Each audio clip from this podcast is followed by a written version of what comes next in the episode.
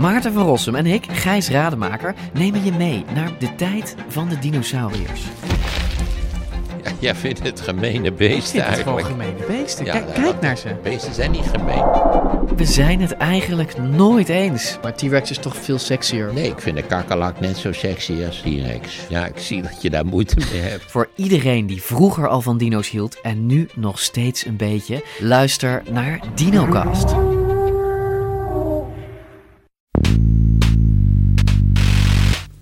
En de harde waarheid is dat Defensie nu niet voldoende toegerust is voor al de veranderende dreigingen.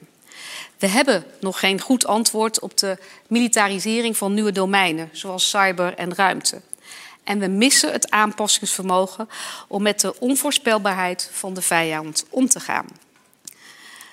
Wat Defensie nu bovenal nodig is, en dat zeg ik met nadruk, nodig heeft, dat zeg ik met nadruk, is langjarig politiek commitment. Zowel op de koers voor de organisatie als op het budget. Defensie heeft dit lange termijn commitment ook nodig voor de samenwerking met onze bondgenoten binnen de NAVO en onze partners in Europa. Onze huidige bijdrage is nu ruim onvoldoende. Het kan niet zo zijn dat een land als Nederland binnenkort de vijfde economie van de Europese Unie stevast onderaan de lijst bungelt van defensieuitgaven binnen de NAVO. Deze visie is dan ook nadrukkelijk bedoeld om te zorgen dat de Nederlandse krijgsmacht in Europa een volwaardige bijdrage kan leveren. We zetten met deze visie namelijk in op een meer Europese koers. En dat is nieuw. We moeten tenslotte de solidariteit van onze partners behouden en de gevechten samen winnen. Dit is Betrouwbare Bronnen met Jaap Jansen.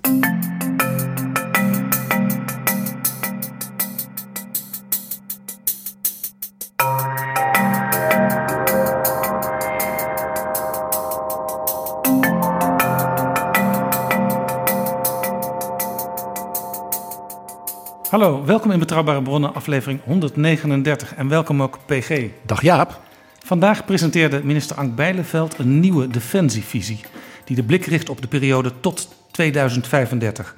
Wat heeft Nederland nodig om zich veilig te voelen en te zijn in een steeds ingewikkelder en ook dreigender internationale omgeving waarin de bedreigingen heel anders zijn dan ze bijvoorbeeld 15 jaar geleden nog waren? Over die nieuwe defensievisie gaan we praten met de minister van Defensie. Welkom Ank Bijleveld. Dank u wel. En we gaan praten met Beatrice de Graaf, hoogleraar geschiedenis met als leeropdracht History of International Relations and Global Governance aan de Universiteit Utrecht, lid van de Koninklijke Nederlandse Academie van Wetenschappen en, onder veel meer, sinds 2019 lid van de Commissie Vrede en Veiligheid van de Adviesraad Internationale Vraagstukken. Welkom, Beatrice de Graaf. Dank u wel. Dit is Betrouwbare Bronnen. Mevrouw Bijleveld, in uw voorwoord bij de visie schrijft u dat we in Nederland denken dat het vanzelfsprekend is dat we in vrijheid kunnen leven en dat ons niets zal overkomen. Is dat wat ons op dit moment overkomt, de pandemie, het coronavirus, ook wat dit betreft een waarschuwing? Nou ja, in ieder geval is het iets wat onverwacht is en wat ons inderdaad uh, uh, wat, wat, wat bijdraagt aan onzekerheid. Uh, en het is wel een van de onderdelen waar je op voorbereid um, moet zijn. en waarvan je ziet dat het niet zo makkelijk is, ook met elkaar, om dat goed op te pakken in Europees perspectief. Of bijvoorbeeld met NAVO-partners als je kijkt naar wat er, wat er gebeurt. Absoluut. Ja, en heel concreet, sinds 2004 zit er ook altijd een militair in het bestuur van de veiligheidsregio's. Ja, een regionaal militair commandant is dat. Uh, dat is eigenlijk, uh, dit gaat eigenlijk over onze derde grondwettelijke taak. Misschien wel goed om te zeggen. Hè, wij verlenen bijstand aan, aan, uh, aan het bestuur in Nederland, aan burgemeesters of commissarissen van de Koning, als ze het niet meer zelf kunnen. En die regionaal militaire commandanten weten dan goed wat er gebeurt in een bepaalde regio. En kunnen ook makkelijk bij ons hun vraag neerleggen. Voor als er echt iets onverwachts of onzekers gebeurt. En kan van alles zijn. Het kan, uh, kan bijvoorbeeld het blussen van uh, branden uh, zijn, tot wat we nu in de afgelopen tijd met corona hebben gezien, bijstand verlenen in, in ziekenhuizen. dus er zijn heel veel verschillende dingen die, die, die wij kunnen doen. En dat is, wij vragen dan eigenlijk aan de veiligheidsregio's om het effect wat ze willen bereiken, om dat te formuleren. En dan bepalen wij hoe we het gaan doen. En er was ook nog een ander soort virus een jaar of wat geleden dat erin hakte. Dat was die poging tot hacken van de OPCW in Den Haag. Daar zaten de Russen achter. U heeft toen een enorme persconferentie uh, gehouden samen met, met de Britten. dat is een nieuw soort van oorlogvoering. Ja, dat is zeker een nieuw soort van oorlogsvoering. Oorlogsvoering verandert sowieso. Dat is een interessant thema om met elkaar vandaag ook over, uh, over te spreken.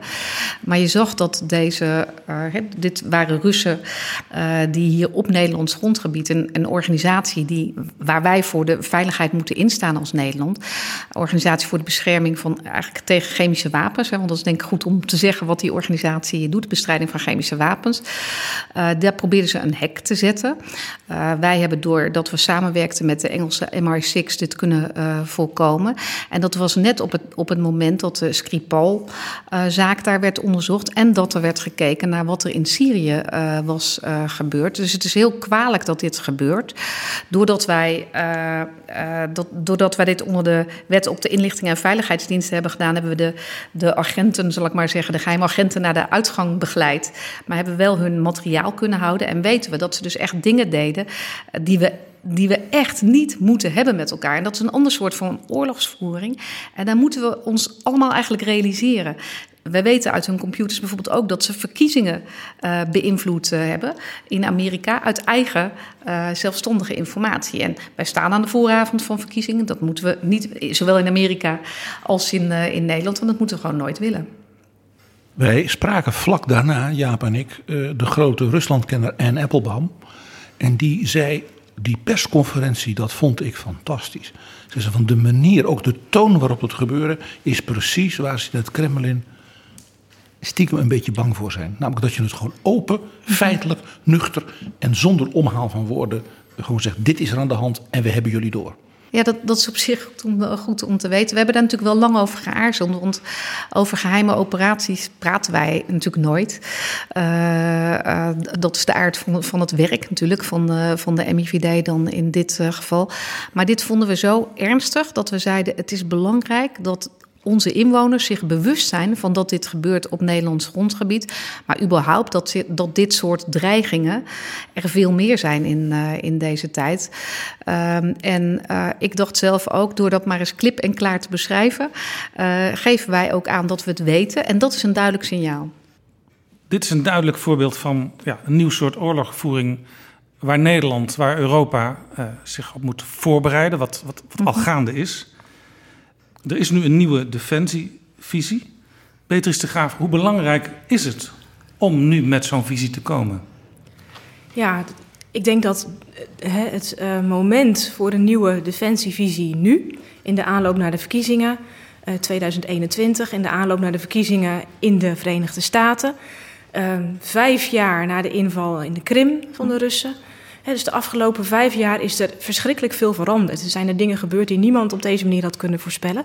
Dus het is heel goed dat Defensie hier proactief een, een actie neemt. De laatste was alweer van 2010, Defensieverkenningen. Dus het wordt ook alweer tijd voor iets nieuws. Er zijn weer heel veel dingen gebeurd. Uh, tien jaar geleden? Ja, tien jaar geleden. Tegelijkertijd, ik, je spreekt met een historicus. Dus aan de ene kant zijn er ontzettend veel nieuwe dingen gebeurd. Tegelijkertijd zie ik ook weer patronen opdoemen... die juist uh, de wereld weer zo voorspelbaar, onvoorspelbaar maken als in de 19e eeuw. Wat ik daarmee bedoel is dat we eigenlijk nu echt, echt, echt aan het einde zijn gekomen uh, van die nieuwe wereldorde, uh, waarvan men dacht dat die zich na 1989-90 zou ontvouwen. Met de Verenigde Staten, als degene Clinton die dat ook zei, we gaan die nieuwe wereldorde creëren. Iedereen mag onder de schaduw en de vleugels van Amerika meeliften. Zelfs de Russen, die krijgen Zelfs een partnerschap met de NAVO? Een strategisch partnerschap aangeboden. Nou, dat heeft een tijdje, hebben mensen daarin geloofd. Het peace uh, dividend. Ja, het vredesdividend moest worden geïnd. Sterker nog, GroenLinks heeft toen eigenlijk ook gezegd... laten we maar enorm gaan bezuinigen op het leger. Er werd ook, uh, de buitenlandse veiligheidsdienst werd zelfs afgeschaft, de IDB. Door Ruud Lubbers? Door Ruud Lubbers, door het CDA. Uh, ook onder druk van de oppositie, maar zeker ook door het CDA. Dat had ook te maken met intern gezeur en geruzie en personeelsproblemen bij die dienst zelf. Maar het idee was toch, Amerika doet het voor ons, wij zitten onder die paraplu... we zijn nu allemaal vrienden, even heel simplistisch gezegd. Nou, we weten nu, dat wisten we natuurlijk eigenlijk al met de oorlogen in Irak. Dat weten we uh, zeker ook sinds 9-11, maar nu helemaal weten we met de oorlog in Syrië, uh, met het opkomen van Turkije, dat we eigenlijk terug zijn in een, in een, in een fase. De Caucasus, uh, Georgië, Abhazie, nu Nagorno-Karabakh. Ja, we weten terug dat, dat we nu terug zijn in een periode waarin er niet meer één of twee spelers zijn die de boel in evenwicht houden. En eigenlijk zou je kunnen zeggen, met terugwerkende kracht, is die fase van de Koude Oorlog een unicum geweest ja. in de wereldgeschiedenis. Ja. Vanaf uh, 200 jaar geleden, of misschien zelfs vanaf de Vrede van Münster, is het eigenlijk altijd een concert van Europa geweest, van grote regionale mogendheden, met kleinere daartussenin. Sterker nog, de wereld werd ook verdeeld in eerste, tweede en derde rangs mogendheden. En Nederland was eigenlijk hm. eerst een eerste rang en toen afgezakt in de 19e eeuw naar een tweede rangs mogendheid. Mocht wel meespelen met de grote jongens. En die wereld, die was er. Dat noemde men het concert van Europa. Uh, daar waren ook een aantal eerste violen, maar het was altijd onvoorspelbaar wie met wie een alliantie zou sluiten. Rusland met Frankrijk, Engeland met Duitsland of juist niet. Amerika die op een gegeven moment mee ging doen. En we zitten nu weer in zo'n periode dat we een aantal grote mogelijkheden hebben. Dat we niet goed weten hoe die allianties zich gaan ontwikkelen. Na 2024, als Poetin terugtreedt, nu na de Amerikaanse verkiezingen. Je weet het gewoon niet meer. Er is geen balans meer. Poetin mag zelfs tot 2036 blijven als hij zou willen. Als hij dat zou willen, ja. Dus goed, dat, dat is een, een jaar nadat deze nota afloopt. Ja. En, en, en Xi is de eerste Chinese leider sinds Mao die dus nadrukkelijk voor het leven is bevestigd. Ja, je ziet, je ziet dus, ik, ik, ik denk dat, dat, dat het heel goed geschetst is, dat, dat je, uh, je ziet de Amerikanen zich terugtrekken op hun authentieke uh, positie van destijds. Hè? Uh, dus dat betekent wel degelijk wat ook voor de stabiliteit, bijvoorbeeld al in, uh, in, in, in de NAVO. Hebben, Turkije is net, net genoemd. Dus je ziet dat mechanismen die we hebben gemaakt om een soort van stabiliteit te hebben, dat die ook niet meer aansluiten bij wat je nu aan ontwikkelingen ziet. En ja, dat is denk ik belangrijk om ook te zeggen. Dat is, uh, daarom is het ook goed, vind ik zelf, dat we met deze defensievisie komen. Omdat je ziet dat die. Uh, dat er zoveel onvoorspelbaarheid is. Uh, of dat inderdaad, ik vond het wel mooi aangeduid, patronen van voorspelbare onvoorspelbaarheid, dat je die niet zo makkelijk meer kan inschatten altijd. Dus dat betekent dat als je het hebt over, wij zijn een, hè, we zijn natuurlijk van defensie, zijn in principe voor de veiligheid van ons koninkrijk en uh, van het bondgenootschap. Dat is onze eerste taak. Laten we zeggen, laten we even groot spreken over Europa dan in dit, uh, uh, in dit geval. dan zie je dat, dat daar zoveel dingen bewegen dat we echt anders moeten kijken naar hoe staan we ervoor op dit moment. En dat het, dat het spreken, zoals Beatrice ook zei, van in, in, de, in misschien wel tientallen jaren hiervoor in ambities van defensie, dat dat niet meer aansluit bij wat het is. Het is geen ambitie, het is wat mij betreft pure noodzaak om een, uh, goed te investeren in, uh, in defensie en in de krijgsmacht. De, omdat ehm, ja, onze veiligheid is op allerlei verschillende manieren nu in het, in het geding. En oorlogsvoering is ook heel erg veranderd wat dat betreft. Dus dat is goed om ons te realiseren. Het is een, een, een best wel weer een uniek document. Dit heet deze ja. visie. Sowieso over de afgelopen tien jaar is dit weer voor het eerst. Het is nu ook voor het eerst dat Defensie zelf proactief met zijn vuist op tafel slaat. En wat ik eigenlijk ook wel spectaculair vind in deze notie. Uh, als je eigenlijk zou optellen en bij elkaar zou opplussen wat, uh, wat u allemaal wilt, minister. Mm -hmm. In 2035 is Defensie proactief en flexibel, kleinschalig, grote verband, op meerdere plaatsen, de vrede bewaken, betrouwbare partner, al onze afspraken, systemen naadloos aansluiten. Dat is meer dan 2% ja. van ja, Ik wou het eigenlijk aan de budget. minister vragen, maar u, u, u nou, ik ook hoor. ik, ik, ik wou mijn vraag nog even inleiden. Want ik, ik, hè, dat, dat wordt eigenlijk ook wel zelf gesteld hè, in deze visie. Um, eigenlijk moeten we meer gaan uitgeven dan die 2%. Dat staat ook heel keurig op pagina 44. Zie je ook die lijn helemaal doorlopen. Wat je eigenlijk zou moeten doen als je hieraan wil voldoen. Dus mijn vraag is eigenlijk: uh, waar komt deze ambitieuze droom vandaan? Want dat is het vooralsnog. En is het niet zo dat Nederland voor het eerst eigenlijk weer sinds misschien wel 200 jaar een poging doet om weer bij de grote mee te spelen. Nederland is heel lang neutraal geweest, heel lang afzijdig geweest, heeft heel lang onder die Amerikaanse atoomparaplu gehangen. Nu gaan we eigenlijk weer terug naar 200 of zelfs nog langer jaar geleden. Zeg maar, Nederland hoort bij de grote in Europa. Nederland bungelt nu echt onderaan het lijstje van uh, investerende landen, mm -hmm. ook van de Europese landen. Ja. In 2014 is afgesproken dat over vier jaar al elk lidstaat van de NAVO 2% eh, van het bruto nationaal product aan defensie zou moeten besteden. En nu lees ik in deze nota precies wat Beatrice de Graaf zegt.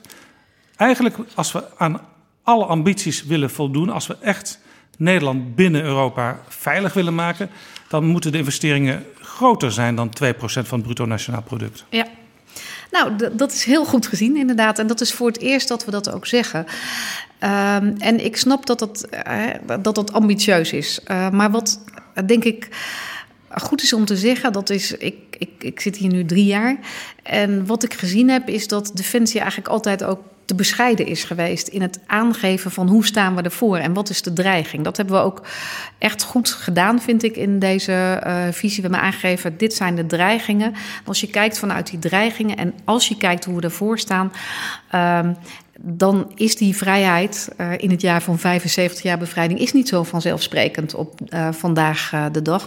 En het vraagt dat we investeren. En die 2% van de NAVO, dat is een berekening van. Daar zit natuurlijk. Dat is niet 2% omdat het een doel op zich is. Want als de economie in elkaar klapt, dan kan je misschien wel makkelijk 2% halen. Hè? Want we, we, zijn nu ietsje gestegen ja, in percentage. Nu op, maar dat komt omdat de rest ja. inzakt. Dat is omdat de rest inzakt. Ja. Maar onder die 2% van destijds zat een hele hele berekening aan capaciteiten, zoals het al zo mooi heet in onze termen, die je nodig hebt uh, om uiteindelijk veilig te kunnen uh, blijven.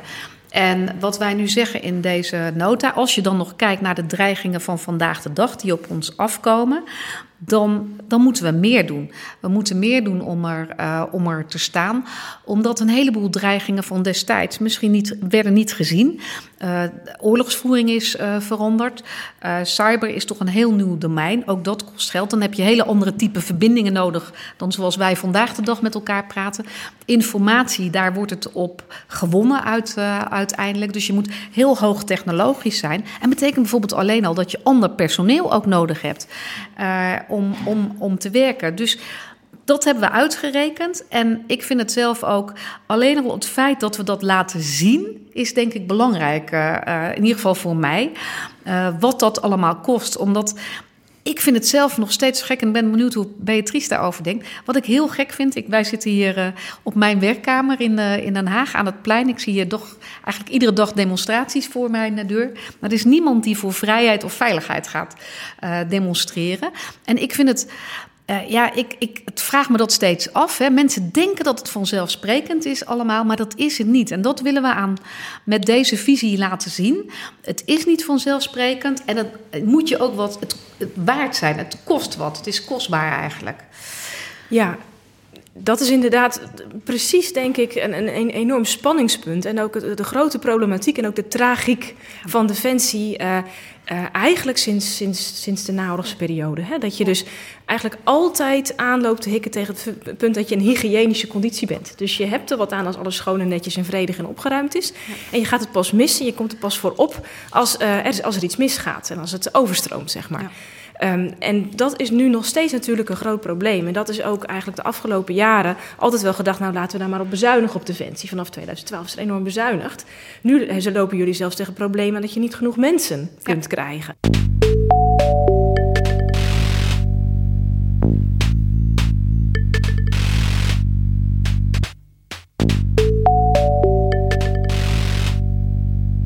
U hebt de afgelopen jaar al wat extra geld gekregen, maar toch ja. internationaal is het een klein beetje een lachertje. U bent met minister Wopke Hoekstra van Financiën naar Litouwen geweest. 24 uur om hem te laten zien wat voor geweldige samenwerking uh, Nederland ja. daar heeft.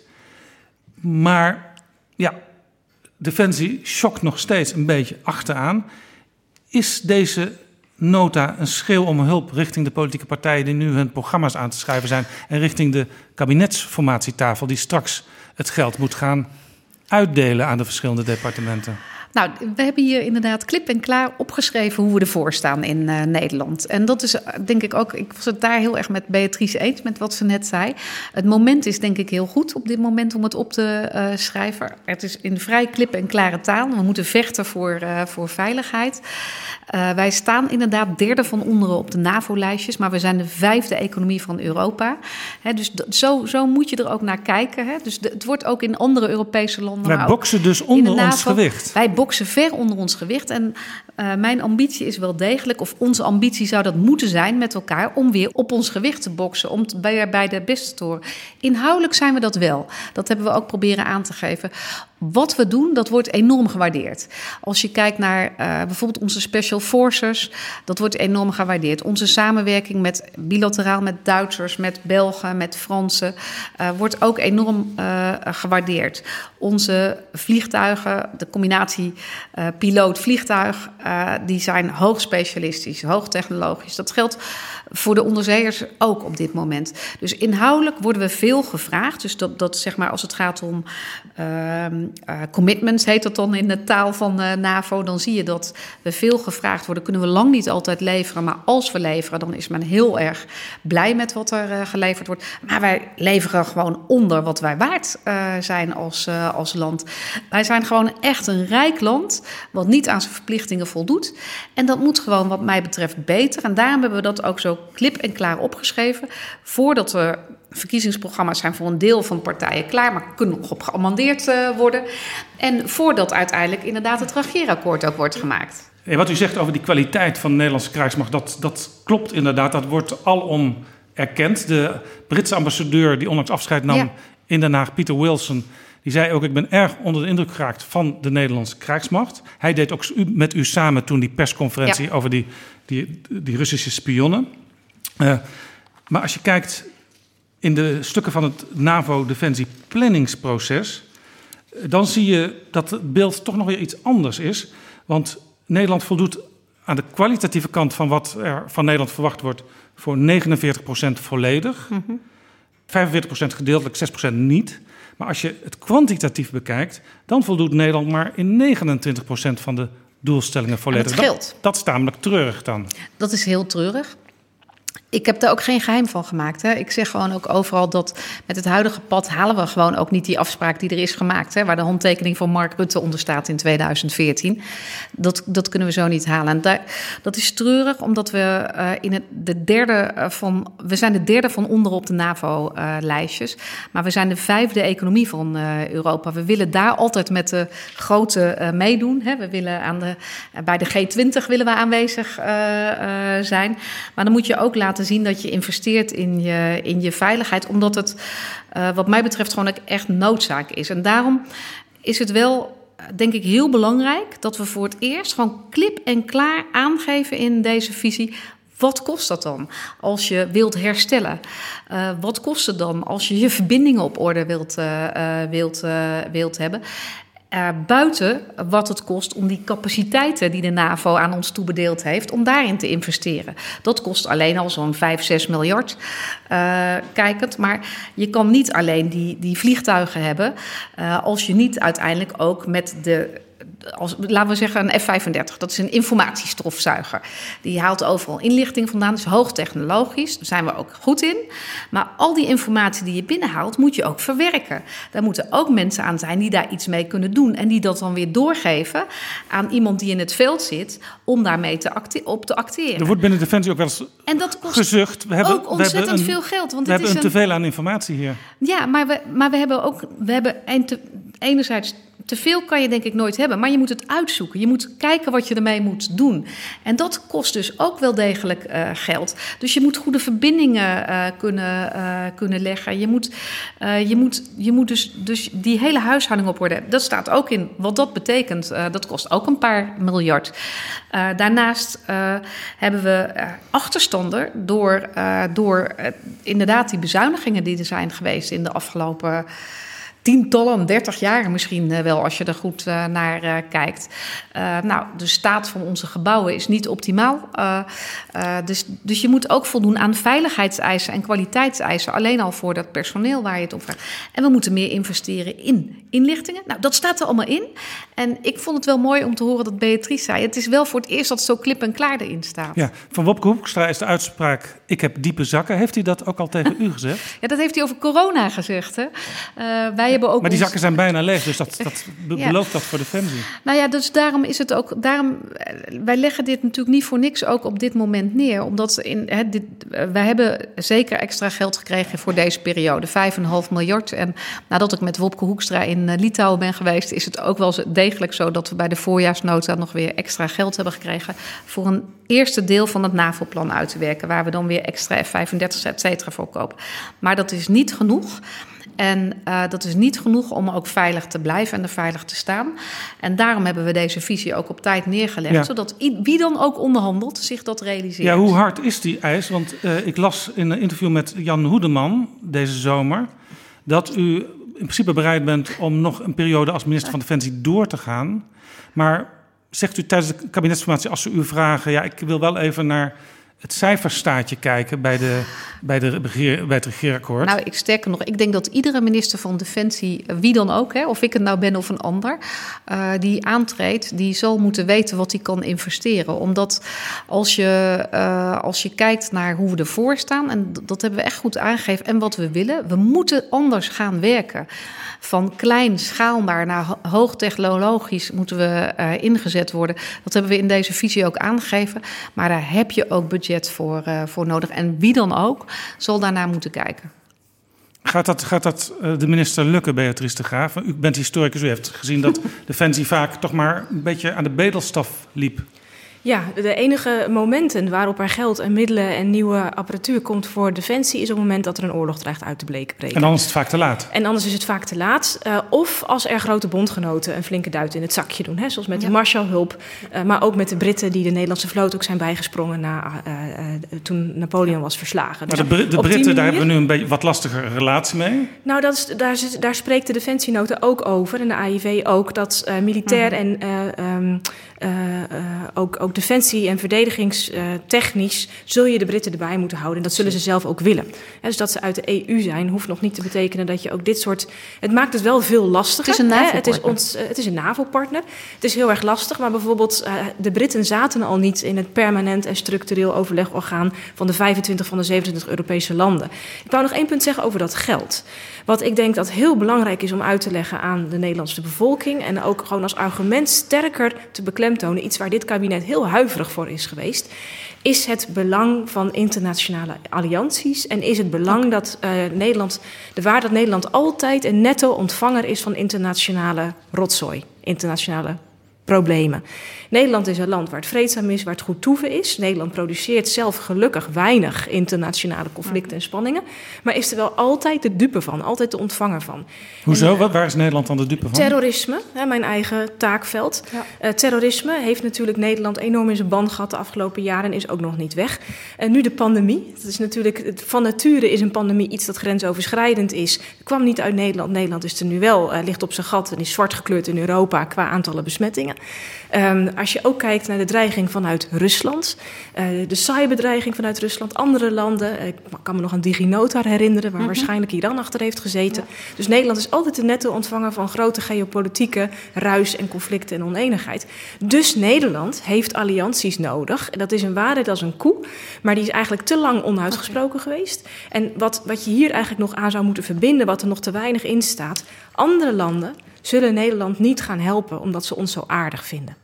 Andere landen gaan ons niet helpen omdat ze zelf zo'n nobele inborst hebben. Met andere woorden, Nederland andere moet ook laten zien dat wij bereid zijn om mee te doen met het een grote duit in het zakje. Tit voor tat, zo heet dat. En op inlichtingengebied, eh, de minister noemde net terecht de hoge kwaliteit van de Nederlandse inlichtingen. Ik weet dat het op inlichtingengebied zo is dat de AIVD en de MIVD zulke hoogstaande informatie en analyse en rapportages leveren. Dat zij heel vaak met de grote jongens, ja. de Big Eyes community, mogen meepraten omdat ze goede inlichtingen geven. En dat geldt ook voor de MIVD, die uh, in operationeel gebied en dat kan alleen als je erin investeert. En dan moet je er dus in investeren. Dus mijn punt zou zijn, uh, lange omhaal, je moet investeren in heel veel van deze talenten van de Nederlandse krijgsmacht om er ook veel voor terug te kunnen krijgen. En dat gebeurt eigenlijk ook al, maar dat wordt veel te weinig naar buiten toe uitgedragen van ja, we moeten dit doen, anders krijgen we niks terug. Ook gewoon transactioneel. Hè? Dus het, is het, ja. zeg maar het aspect van het, uh, het betekent ook wat, het levert jezelf wat op, zeg maar. Dat, dat, zou, dat, nou, dat zouden we zeker beter kunnen uh, benadrukken. En dat probeer ik ook zelf wel met uh, bijvoorbeeld in, in internationale samenwerking bilateraal in te brengen. Bijvoorbeeld met de Duitsers zie je dat wij op, op de verbindingenkant nu ook samenwerken. En de verbindingenkant? Ja, dat radio, radiosystemen. Radio's, radiosystemen.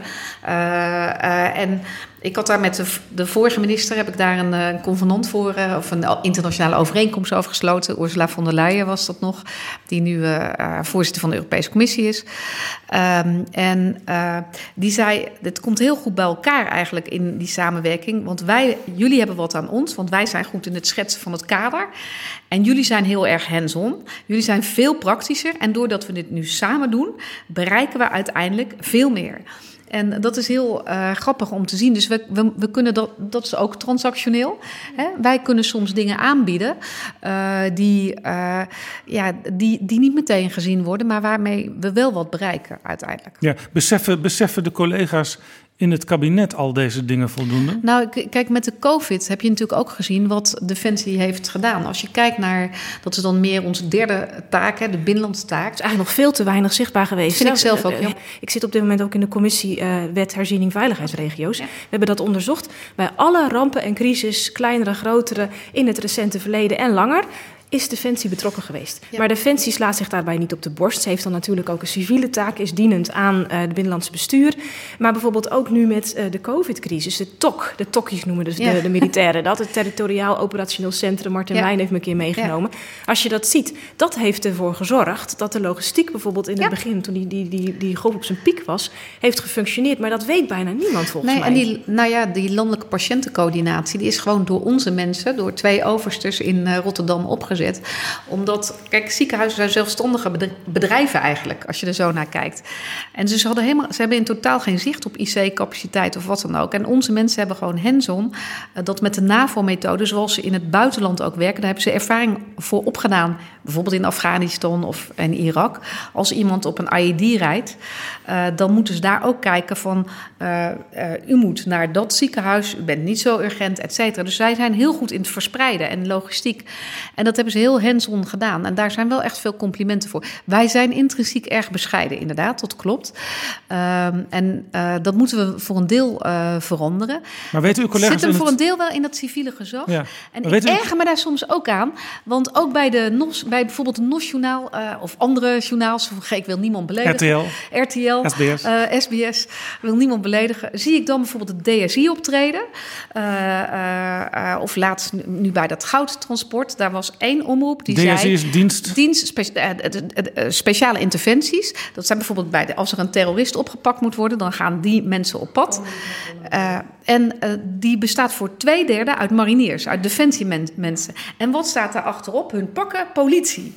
Dus niemand weet dat het twee derde defensiemensen zijn. En onze mensen, zeg ik altijd... maar dat, dat, de politie moet nu niet boos worden als ze luisteren... die schieten ook net nog iets beter dan gerichter. Dan, Uw voorganger, mevrouw Hennis, heeft zelf even besloten om eh, de uniformen op straat en in het openbaar vervoer en zo'n tijdje ja, niet te laten zien. maar die heb ik weer ingevoerd. Want ik, vond, ik, ik ben het namelijk heel erg eens uh, met wat er net gezegd is. Ik heb van het begin af aan gezegd... onze mensen moeten zichtbaar zijn. Uh, ik ben een dochter van een beroepsmilitair. Mijn vader had zich ontzettend geërgerd aan. Hij zegt, een militair moet gewoon in uniform ook op straat lopen. En dat was het eerste wat wij, de staatssecretaris en ik... toen we rondgingen langs allerlei mensen... een gewone soldaat, maar van een gewone soldaat tot aan hoge rangen zei... van wij, wij zijn trots op ons uniform en we willen graag op straat lopen. En dat maakt maakt het ook aanraakbaar. Op het moment dat uh, iemand in uniform op straat loopt, kan je hem ook aanspreken op zijn functie. En dat, bijvoorbeeld jongeren doen dat ook nadrukkelijk sinds het weer mag. En ik heb gezegd toen ik dat zag, uh, en, uh, toen wij van we gaan dat gewoon weer doen. Mensen zijn verantwoordelijke mensen, kunnen zelf als ze denken dat het gevaarlijk is beslissen of ze wel of niet in uniform lopen. Maar ze mogen in uniform lopen en heel veel doen dat, doen dat nu ook. En dat is denk ik ook belangrijk. Maar, ik maar toch, ik vroeg straks, weten uw collega's het kabinet voldoende van wat Defensie allemaal doet en hoe belangrijk weinig. het is? Nee, maar dat is te weinig. En uh, ik denk dat die COVID-kant, die heeft dat voor een deel laten zien. Wij hebben zelf ook, ik heb er ook consequent over ge, ge, ge tweet uh, met hoeveel inzet wij hebben gepleegd. En, uh, maar mensen beschouwen het allemaal als vanzelfsprekend, want dat ging weer onder, onder het gezag van zeg maar, de publieke gezondheidskant. En dat is ook goed natuurlijk. Hè? En dat is ook goed, want het is taak. ondersteuning, Ja. het is een Ja. civiele taak. Ik ga nog even terug naar het punt dat u net aansneed. Dat was dat je in de samenwerking, bijvoorbeeld met de Duitsers, als we een hele belangrijke stappen kunt zetten, maar dan moet je wel bij elkaar aansluiten. Ja. Ik kan me herinneren, wij waren samen op een boot in de Romshaven met Ja. Manfred Weber uit Beieren. En die vertelde dus dat hij ervan uitging, ja, zo'n Rotterdamse haven, zo'n enorme risico voor de veiligheid vanwege de mensensmokkel. Mhm. En toen zei de chef beveiliging die daar ook bij was, die zei, nee hoor, dat is helemaal geen punt. Het grote gevaar voor de Rotterdamse haven is cyberwar. Ja. U bent een bijer, u heeft geen havens. Dit is één gigantisch Ja. wereldwijd netwerk van informatie en verbindingen met schepen die op alle zeeën varen richting Rotterdam of uit Rotterdam. En waar wij alles in de gaten houden. En, dit zijn was voor Manfred Weber een eye-opener van heb ik jou daar. Ja. Die zei dus daar moeten wij samenwerken. Die zat toch helemaal in hele oude beelden. Ja, ja nou, dat, dat is zeker zo. En als je kijkt naar de Rotterdamse haven, die is ook al een keer platgelegd door een, aan, een cyberaanval. Dus dat is goed om ons te realiseren. Want dat was de reden waarom die man dat ook eh, destijds eh, zei. En mensen zien dat eigenlijk helemaal niet. Hè? Dus dat je zomaar van achter een computer in Rusland, China of waar dan ook... eh, gewoon hele delen van het publieke leven kan, kan platleggen. En nu zijn wij inderdaad goed, heel goed in die inlichtingenkant. Hè? Wij zitten hier ook in een knooppunt van verbindingen als Nederland... met heel veel kabels die onder de Noordzee liggen. Hè? Dus het is, wij, wij, wij hebben ook de goede randvoorwaarden om dat goed In een eh, goed te kunnen- Harvard-rapport kwam Nederland ook als vijfde Ja. uit de bus in kwaliteit. En daar moeten we echt trots op zijn. En en dat is ook voor een heel belangrijk ding. Maar dat is dus ook heel ding- kwetsbaar. Ja, dat is ook kwetsbaar, zeker. Maar het is ook iets wat, wat we moeten gebruiken en wat we moeten uit, eh, uitventen.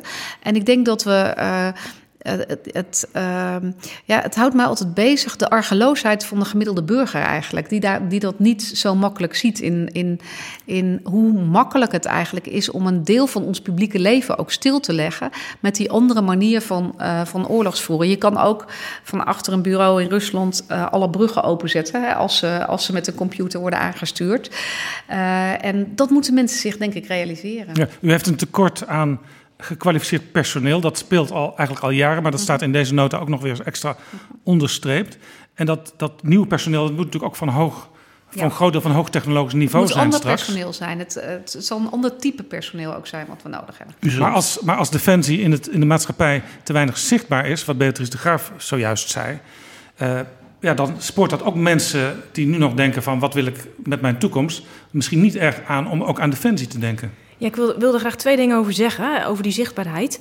Eh, eerst eventjes eh, over de jongeren die zich nu melden bij Defensie. Hè, want ze zijn er wel. En ik ken zelf ook genoeg studenten vanuit Utrecht eh, en Den Haag die, die, die zich daar melden. Er stond deze maand in de Militaire Spectator, misschien heeft u het gelezen... stond er best wel een schokkende column... eh, van een jonge militair, die noemde zich eh, lid van de nieuwe generatie van de millennials. Die hun intrede hebben gedaan in de krijgsmacht. En hij zegt, de krijgsmacht wil ons hebben. Hij wil ons hebben met onze talenten, met onze flexibiliteit, met onze hackcapaciteiten. Afgelopen dagen stond er in de krant. ehm, wie was dat? Swillens, de directeur Swillens, van de MIVD. de directeur van de MIVD, die zei: Wij hebben de beste hackers. Nou, dat, dat, dat neem ik van hem aan, kan ik niet eh, verifiëren. Alleen die Weet hackers Poetin zelf. Eh, die, die hackers zelf. En daarvan, ik weet niet of deze millennial in de militaire spectator een hacker is, maar die zegt: Het is wel heel erg problematisch. We zien dat Defensie het wil. We zien dat de krijgsmacht die ambitie heeft. Maar wij zitten in een systeem dat het meest hiërarchisch is ongeveer in Nederland. Hè, dat is de, die bevelstructuur, de hiërarchische structuur. Wij krijgen les van commandanten, we moeten onze mond houden en dingen opschrijven. En wij zien, ik citeer nou die column, hè, of die parafraseer ik. Wij zien niet bij onze leidinggevenden, de mensen die ons lesgeven, de oudere generatie, de bereidheid om van ons te willen leren.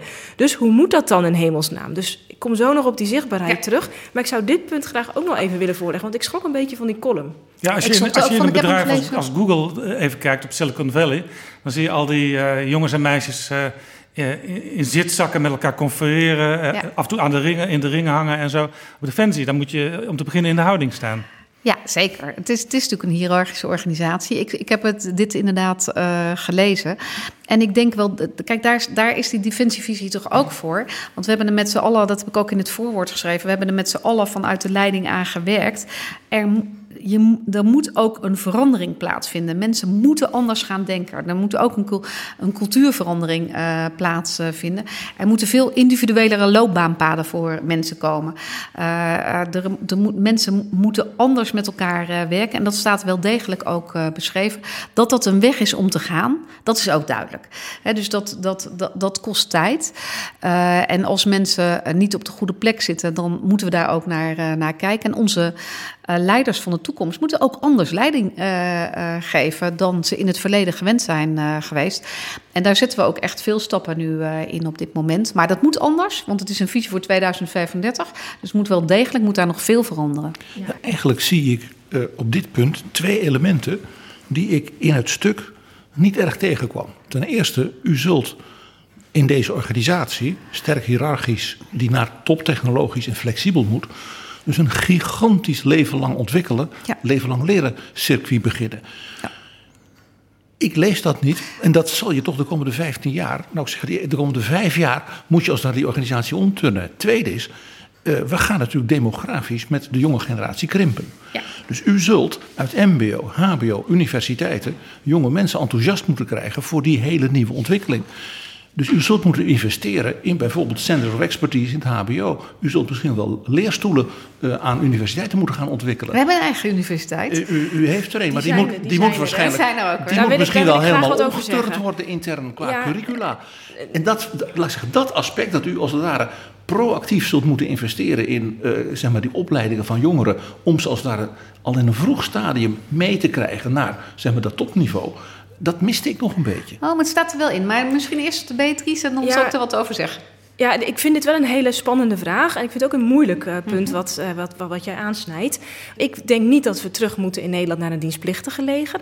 Toch is voor die zichtbaarheid wel wat te zeggen. Want eigenlijk uh, tot, tot aan de Koude Oorlog aan toe hadden wij dus die zichtbaarheid met Zeker. mensen die in dienst zaten. Iedereen kende iemand. Nu weet bijna niemand meer, kent een beroepsmilitair. Nee, maar goed, dat is een van de redenen waarom ik echt blij was met dat iedereen gewoon weer in uniform loopt.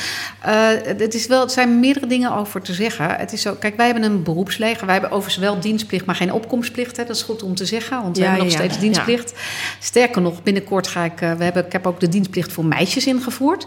Uh, dus binnenkort krijgen... Ik geloof zelfs volgende week... krijgen alle 17-jarige meisjes voor het eerst een brief... dat ze ook dienstplichtig zijn, maar niet op hoeven te komen. Die zullen dus wel even schrikken dan. Ja, dat denk, dus dat gaan we ook nog speciaal begeleiden, inderdaad uh, om, om aan te geven. Omdat het heel belangrijk is dat het voor iedereen geldt. Maar wat denk ik belangrijk is om te zeggen, ook wij, um, wij hebben een beroepsregel. En ik ben wel erg onder de indruk van de passie waarmee mensen hun werk doen. Dat is, dit zijn allemaal mensen die ervoor kiezen, die zich bewust zijn van dat ze kiezen voor het werk, voor vrede en veiligheid. En ze kunnen allemaal vol passie over hun werk ook vertellen. Dat doen wij ook op, op uh, ROC's, et cetera, maar ook op basisscholen. Ik doe dat zelf ook af en toe, of op HBO's. Um, en we hebben natuurlijk een heel systeem met uh, uh, VEVA-leerlingen op ROC's. die, VEVA? Dat is veiligheid en vakmanschap. Dat zijn, dat, dat is, dat zijn jongeren die zeg maar dan op een ROC zo'n opleiding voor uh, volgen. Waarbij ze eventueel bij ons door kunnen uh, in, het, uh, in, het, in het werk. Dus wel degelijk verbinding. En wij hebben een, ons, de grootste groep in de organisatie zijn natuurlijk jonge mensen. die ook niet na hun 35ste weer blijven. Dus we hebben voortdurend ieder jaar instroom van nieuwe mensen. Dus het is niet zo dat, dat, dat je daardoor geen verbinding met de samenleving hebt. En we zijn. we hebben de laatste jaren heel erg geïnvesteerd van hoe kan je nou ook kijken naar die, naar die kant, die hoogtechnologische kant die je ook nodig hebt. Dus we hebben het Defensity College opgezet, uh, waarin we mensen vragen om af te studeren bij, uh, bij ons. Dat, willen we, dat breiden we voor een deel uit nu naar, dat is WO naar HBO.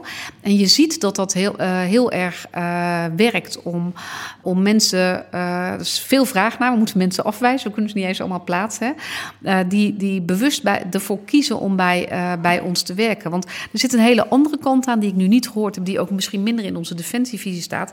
Maar mensen krijgen hier wel skills for life uh, uitge. Mensen leren hier, ook als ze, als, ze, als ze wel in die hiërarchische lijn zijn, leren ze dingen uh, waar, waar in teamverband optreden. Want als jij in het buitenland optreedt uh, met een groep mariniers, dan moet je van elkaar op aankunnen. Dus, en uh, wat mensen ook leren, daar waren mijn kinderen, die zijn niet meer in die leeftijd, maar die waren er wel erg van onder de indruk. Mensen leren al heel jong leiding geven hier bij, uh, bij ons. Dus dit is een bedrijf waar je een veelheid van facetten uh, hebt. En dat kunnen we wel beter laten zien. En dat moeten we ook beter doorontwikkelen. Hoe gaat u die ontwikkeling het ware versnellen in een periode dat de, zeg maar, de vraag van ook andere organisaties, ja, dus... bedrijven en dergelijke, naar diezelfde hoogtechnologische talenten uh, natuurlijk zal toenemen en de, bevol en de, en zeg maar, de toestroom van jongeren gaat krimpen. Ja, moet moeten arbeidsextensiever sowieso zijn. Zou, zou het een idee zijn omdat eigenlijk alle buurlanden uh, en de partners dit ook hebben, dat je zegt bij bepaalde onderwerpen hele specialistische kennis, dat je zegt ja dat doen we dan samen met, noemen ze dat, de Fransen en de Duitsers, of zij doen het samen met ons, dat we dus gewoon, gewoon hele goede Fransen op dat punt in Nederland laten werken. Ja, dat, is, dat kan. En dat kan, kan nu ook al wel in samenwerking. Uh, dan zijn ze geen deel van onze krijgsmacht, want dat is weer ingewikkeld. Dan moeten ze Nederlander uh, voor, uh, ja, voor misschien zijn. moet je daar dan wat maar flexibeler in, in worden. In samenwerking kan dat. Dus we, we kijken daar wel, wel degelijk naar. We zullen, wat er staat is dat we ook veel arbeidsextensiever zullen moeten werken. Want überhaupt het aantal jongeren neemt af. Als je kijkt naar de demografische ontwikkeling. Dat geldt voor alle bedrijven. En als we zo doorgaan met wat er met de zorg gebeurt... dan moet straks een van de twee of drie, geloof ik, drie is dat geloof ik, is uitgerekend, moet in de zorg werken. Als ja, je, dus, dus, er zijn dus misschien niet eens genoeg jongeren om, uh, stel dat je het zou willen, de dienstplicht weer opnieuw in te nee, voeren. Nee, dat, dat denk ik denk niet. Nu is het, ja, het zou misschien wel kunnen, maar anders vormgegeven, denk ik. Kijk, er zijn wel interessante modellen. Hè. In, in de Scandinavische landen doen ze het al, ook bijvoorbeeld, maar uh, anders weer dan Duitsland. Daar is het een uh, ik zoek even naar het Nederlands woord. Een asset op je cv, een, uh, een, een, een plus. Ja, een, plus, maatschappelijke plus. dienstplicht die je dan hebt gedaan. Ja. Een, een, pluspunt, een soort ja. maatschappelijke taak die je hebt verricht. En da daar wordt door een werkgever dus ook naar gekeken... Uh, als dat dat heel belangrijk is dat je dat hebt, hebt gedaan. dus, dus er zijn wel verschillende dus mogelijkheden. Dus ik hoor wel enigszins beter zich even tegemoetkomen... in dat idee van die dienstplicht? Nou, nee, ik denk niet. Daar hebben we niet voor gekozen en dat kan nu ook niet. Uh, want dan moet je echt zo kantelen uh, uh, dat, dat, dat dat echt iets anders is dan in deze defensie. En dan krijg je die, maar er zitten wel hele goede kanten Maar dan krijg je die hoogtechnologische mensen niet. Gewoon heel eerlijk zeggen, als je een dienstplicht invoert voor mensen die bijvoorbeeld op het gymnasium of de TU een 8 of hoger hadden. Maar ja, dat kan niet. Nee. Als je een dienstplicht invoert, dan krijg je dus opnieuw heel veel MBO'ers. En dat is op zich goed. Hè, want die is, dat ook kunnen. Hè? Die de veiligheidsopleidingen op zeker. MBO zijn van een heel erg hoog niveau. Gelukkig wel. Ik wil, nog, ik wil heel graag nog één punt inbrengen, wat ook wel echt met die personeelskwestie te maken heeft. Um, wat een, dat is een beetje een ongemakkelijk punt. Kijk, heel vaak is defensie toch negatief in het nieuws. Dat heeft te maken met de hygiënische conditie. Goede dingen wordt dan minder vaak over geschreven. -hmm. En dat heeft ook wel te maken met gedoe op de werkplek. En dat heb je bij elk consortium, dat heb je bij elk bedrijf. Maar de MeToo-affaires zijn niet aan defensie voorbij gegaan. Uh, manier waarop mensen worden benadeeld die uh, arbeidsschade hebben geleden. Um, en wat ik nog wel maar daar interessant is, daar is defensie in de beeldvorming natuurlijk ook heel kwetsbaar. Daar Want er komen meteen ja, kamerdebatten over. Er komen kamerdebatten over, dat is defensie kwetsbaar. Ik vraag me ook af, ik weet er te weinig van of Defensie daar altijd heel erg goed mee omgaat. Uh, het, het, is iets waar elke keer weer ministers mee te maken krijgen. Mm -hmm. Dan valt er weer zo'n lijk uit de kast waar zij niks aan kunnen doen, maar dat is er wel. Dus mijn punt is nog wel, als je toe wilt naar zo'n nieuwe cultuur, mm -hmm. dat is eigenlijk ook een beetje wat ik las in ja. die column in de Militaire Spectator. Hoe zorg je dan dat je cultuur opener, transparanter, ja. inclusiever, en dat is ook van groot belang. Hè, uh, vanwege de democratische legitimiteit. Dus als die krijgsmacht zichtbaar en in de samenleving ingebed moet zijn, moet hij zich ook naar die cultuur in de samenleving voegen. En ook uh, afgerekend kunnen worden op dingen die misgaan. Hoe gaat u daarmee om en hoe nou, kunt u dat verbeteren? Dat ben ik helemaal eens. Heel expliciet heb ik er zelf persoonlijk voor gekozen om dit ook op te schrijven. Omdat ik denk dat daar nog een wereld te winnen is. Uh, in, die, in die transparantie en in die cultuurkant. Je moet veel opener zijn over, over wat er gebeurt. En het ingewikkelde daarvan voor, zoals mensen uh, zijn opgeleid, is dat heel veel uh, mocht niet gezegd worden. Hè, in het, ja. En dat zit hem in hun eigen veiligheid, want daar sta je natuurlijk ook voor. Dus, dus het zijn dingen die wel gezegd kunnen worden en dingen die niet gezegd worden, kunnen worden. Maar je moet veel transparanter zijn. Dus dat, dat, dat staat nu voor het eerst ook, daar zijn we het ook allemaal over eens, expliciet erin. Wat het ingewikkelde is aan de dingen die je in de media ziet, is dat dat dus één van 65.000. En niet ieder voorbeeld is exemplarisch voor de organisatie. En dat maakt het ook ingewikkeld. Wij zijn een zelfstandige sector, een zelfstandige werkgever. Um, en uh, uh, ik denk dat er veel dingen wel soms adequater konden. Maar er zit ook een hele vorm van juridisering omheen, omdat uh, het ook voor de toekomst weer wat betekent. Sommige dingen uh, zijn in het oorlogsrecht anders dan, uh, dan in zeg maar, het normale civiele recht. Dus je moet daar ook op een andere manier naar, naar kijken. En dat is lang niet altijd begrijpelijk voor mensen. Ik vond het wel mooi dat Paul Duchenne heeft daar laatst een, een heeft hij ook op. Ik zag die hem buitengewoon hoogleraar, bijzonder hoogleraar is namens Defensie aan de UVA. Ja, aan de UVA, zeker. Defensie ook inderdaad. Ja, en die heeft daar een, een, over dat hele oorlogsrecht en hoe je daar bijvoorbeeld naar ja. schade en zo moet kijken. Daar heeft hij ontzettend veel expertise in. Heeft hij daar een prachtig gastcollege op, of gastcollege, weet ik niet, een college op YouTube gezet. En um, dat is voor mensen uh, soms best moeilijk te begrijpen. Dat het in oorlogsomstandigheden anders is dan in een uh, gewoon hier vandaag de dag in, in Den Haag kijkend. Dus, dus het is heel specifiek. En dat maakt het soms ook ingewikkeld om voor ons om uit te leggen. Sommige dingen kunnen zeker beter, vind ik ook. Heb ik ook zelf wel naar gekeken. Ehm, maar we moeten, het moet moderner, zeker inclusiever. Nu zijn we daar eigenlijk best wel goed in. Hè? We hebben een hele, als je kijkt naar inclusiviteit, daar is ons personeel best te. We hebben nog te weinig diversiteit. Hè? Maar als het gaat om inclusiviteit. Wacht even, diversi kunt u even de begrippen uh, nou beschrijven? Ja, Diversiteit, inclusiviteit? Ja, dat ja, het is misschien te ingewikkeld. Uh, uh, maar het is net na Coming Out Day dat we dit gesprek hebben. En als je kijkt de naar inclusiviteit... De regenboog, we hebben een regenboogloper uitgerold, een hele grote. omdat we hebben alleen, we hebben maar één vlaggenmast op dit En daar moet natuurlijk de Nederlandse vlag En daar moet de Nederlandse vlag wapperen. Daar mag geen andere vlag wapperen. dus dan moet er een vlaggenmast naast. En dat... dat dat kan niet. Uh, dus we hebben een enorme loper uitgerold, de staatssecretaris en ik. En daar zie je dat eigenlijk in, uh, in onze organisatie uh, de LHBTIQ, moet ik dan zeggen, gemeenschap heel goed geaccepteerd is. Dat zeggen ze zelf ook. En diversiteit, we zijn niet divers genoeg. Wij, we zijn een, een echt nog wel een witte mannenorganisatie. als je daarnaar kijkt. En dat moet beter. Want ik denk dat cultuur. Dat is ook dat leven lang leren, dat leven lang ja. ontwikkelproces. Dat is ook een cultureel proces. Ja, dat is, hoort er ook bij. En die, overigens is, is Defensie een enorme opleidingsorganisatie. Hè? Dat is denk ik ook wel goed om te vertellen. Wij hebben onze eigen uh, universiteiten, wij hebben onze eigen uh, MBO-opleidingen. Bij ons moeten ze ook uh, een leven lang leren, de mensen, omdat ze wisselen om de zoveel jaar van, van functie. Dat betekent dat ze vaardigheden moeten opdoen. dus ook mensen die, die jonge mensen die bij ons vertrekken, die, die proberen we ook echt met een eindkwalificatie weer naar buiten te begeleiden, omdat dat, dat belangrijk is ook voor, de, voor, de, voor hun toekomst. En dat is ook weer voor ons van, ja. van belang. Nederland wil in het hoogste geweldspectrum ja. meedoen. Nou had ik in de, het eerste seizoen van Betrouwbare Bronnen een gesprek met Christ Klep. Die heeft een boek geschreven over de Nederlandse militaire cultuur. En hij zegt, we willen vooral goed doen en bijdragen aan opbouwmissies. Nederland is te lief. Kun je dan die ambitie wel waarmaken dat je op het allerhoogste niveau mee wil doen? Ja, hij bedoelt met de lief dat Nederland heel graag aan missies wil meewerken. Uh, dan heb ik het niet over de krijgsmacht, maar dan heb ik het over het uh, mandaat uh, waar het parlement de krijgsmacht mee op pad stuurt. En ik heb daar zelf een boek over geschreven met George Dimitriou over het strategisch narratief van de Nederlandse ja, krijgsmacht. De Tweede Kamer heeft altijd allerlei en dingen de eromheen. De Tweede Kamer zegt dan. Waardoor de je met de, hand, troepen, met de hand op de rug gebonden ja, bent. de Nederlandse troepen gaan daarheen om putten te slaan, om meisjes te helpen en om aan wederopbouw te doen. Maar dan komen ze daar ter plekke aan. Er wordt natuurlijk verschrikkelijk gevochten. Die Baluchi-verlei die is er ja. diverse keren uh, ging het daar op en neer. En dan worden daar in de Kamer weer vragen over Hoezo uh, lopen onze jongens en meisjes daar gevaar? En dan wordt op een gegeven moment, is toen ook, dat, dat is natuurlijk ook dat, ja, die, die, dat moment dat dan de stekker eruit wordt getrokken. Mm -hmm. En die missie wordt gestopt omdat het te heftig is. En dat is natuurlijk ook nog wel iets, dat zou ik ook nog in aansluiting op jouw vraag bespreekbaar willen maken. Wat de ambitie is van de krijgsmacht, dat hoogste geweldspectrum. Um, uh, die flexibiliteit, dat geloof ik zonder meer, dat de krijgsmacht dat wil. Maar um, wat is de politieke steun daarvoor in de Tweede Kamer? Hm. En dat maakt het zo verschrikkelijk lastig. En ik wil nog even één keer terug naar die defensieverkenning van 2010. Ja. Dat waren supergoeie verkenningen en er is eigenlijk niks mee gebeurd. Mm -hmm. Dus hoe voorkomt u nou dat dit prachtige document...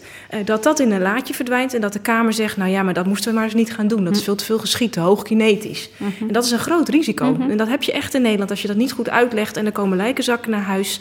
Uh, of er vallen daar slachtoffers. En dan krijg je hier Ja. weer... eh, Er zijn, dus, er zijn ja. dus meerdere problemen waar een minister van Defensie mee kampt. Ja. De eerste was het gebrek aan geld. Het tweede wat we nu benoemen is... eh, Oké, dan wil Nederland meedoen. politieke steun of En dan politiek- zegt de ja. Tweede Kamer uiteindelijk... wij willen daar ook wel steun aan geven... maar dan moeten er heel veel voorwaarden aan worden gekoppeld... Mhm. Ja. waardoor eh, onze mannen en vrouwen met de handen op de rug ter plekke aankomen. ja. Ja, eh, nu, nu zijn er twee, eh, twee antwoorden op mogelijk. Eh, eh, sommige, er is lang gedacht dat het een soort eh, oorlog van keuze was. Hè? Want dat, dat- dus dat is als je kijkt naar die. En dat is gewoon echt niet zo als je kijkt naar de dreigingsanalyse die er is. Dat Nederland in feite Eh, kon dus- uitkiezen... wij doen alleen daar en daar aan ja, mee. Dat, dat als je kijkt naar eh, de afspraken die we met elkaar hebben gemaakt in, het, in, de, in de NAVO of in het bondgenootschap. En dat, dat is ook wat we in deze defensievisie opschrijven, maar wat de staatssecretaris en ik ook in de afgelopen periode al hebben gezegd. Wij hebben bijgebogen naar hoofdtaak 1. Dat is de veiligheid van het Koninkrijk en het bondgenootschap. En, eh, Ten opzichte van ten de internationale rechtsorde. En Ten opzichte van, ja. precies, dat is goed om te zeggen, internationale rechtsorde, eh et cetera. Daar doen wij zeker wel degelijk aan mee, maar dat, dat, eh, dat is denk ik goed om, om te zeggen. En bijvoorbeeld als het gaat om het opereren in de anti-ISIS-coalitie, dat is echt niet, dat is gewoon echt met gevaar voor eigen leven. Hè. Ik vond het zelf, ik was heel erg van onder de indruk toen, ik was er nog niet zo lang.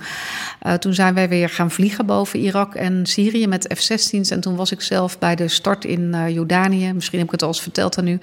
En daar sprak ik met eh, een dominee die met twee jonge vliegers... nou, die waren net zo oud als mijn kinderen, 4, 25... had gesproken over als, als je wordt geraakt... dan spring je eruit boven ISIS-gebied.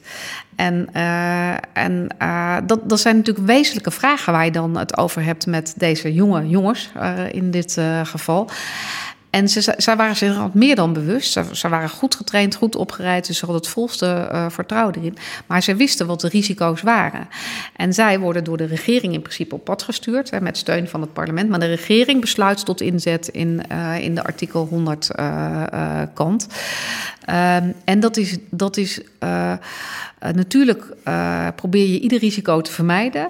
Maar in een oorlogssituatie kan dat gewoon niet, eh, niet altijd. En dat moeten we ons realiseren. Toch, toch en als ik... anderen, want we willen Ja. vragen ook van anderen om ons te komen bevrijden. Hè, dus Ja. dat is de andere kant. Maar Als toch, wij hier bedreigd zijn. Graaf hoor, is het eh, ministerschap van Defensie een deerniswekkend ambt. Want is een ingewikkeld ambt, altijd, niet wij, wij, willen, wij willen meer, wij willen meer. En meestal betekent het, wij willen minder. Ja, maar het is niet, niet deerniswekkend. Het is, eh, het is ingewikkeld. Want, maar eh, je bent als minister verantwoordelijk voor die 65.000 mensen die gewoon bij jou zelf in dienst zijn. Die met gevaar voor eigen leven hun, eh, hun werk doen. Dat moet je altijd realiseren. En ik heb van begin af aan wel gezegd, dat is best beschouw ik zelf als een zware verantwoordelijkheid. Ik heb ook bijvoorbeeld die, die jonge jongens in, eh waar allemaal jongens dus in Kidal, hè, naar dat ongeluk, eh, na het OVV-rapport, waar natuurlijk een vorige minister en een CDS op zijn eh, afgetreden, heb ik van besloten dat ze weer op pad gingen. Ik heb er als een moeder naar gekeken, zeg, heb ik eh, gezegd in de, in de Kamer. Maar dat, is, dat hoort bij de verantwoordelijkheid. Maar ik denk dat we in Nederland te weinig gewend zijn om met risico's om te gaan. En we vragen omgekeerd ook wel. Stel dat nou hier die.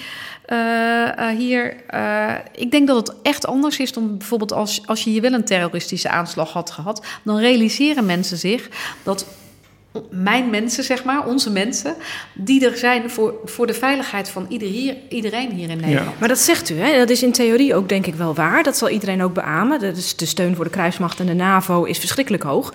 Tegelijkertijd, eh Rijn Nederland, een Nederlands fregat of Nederlandse bemanning heeft meegedaan met die missie in de straat van Ja. Hormuz.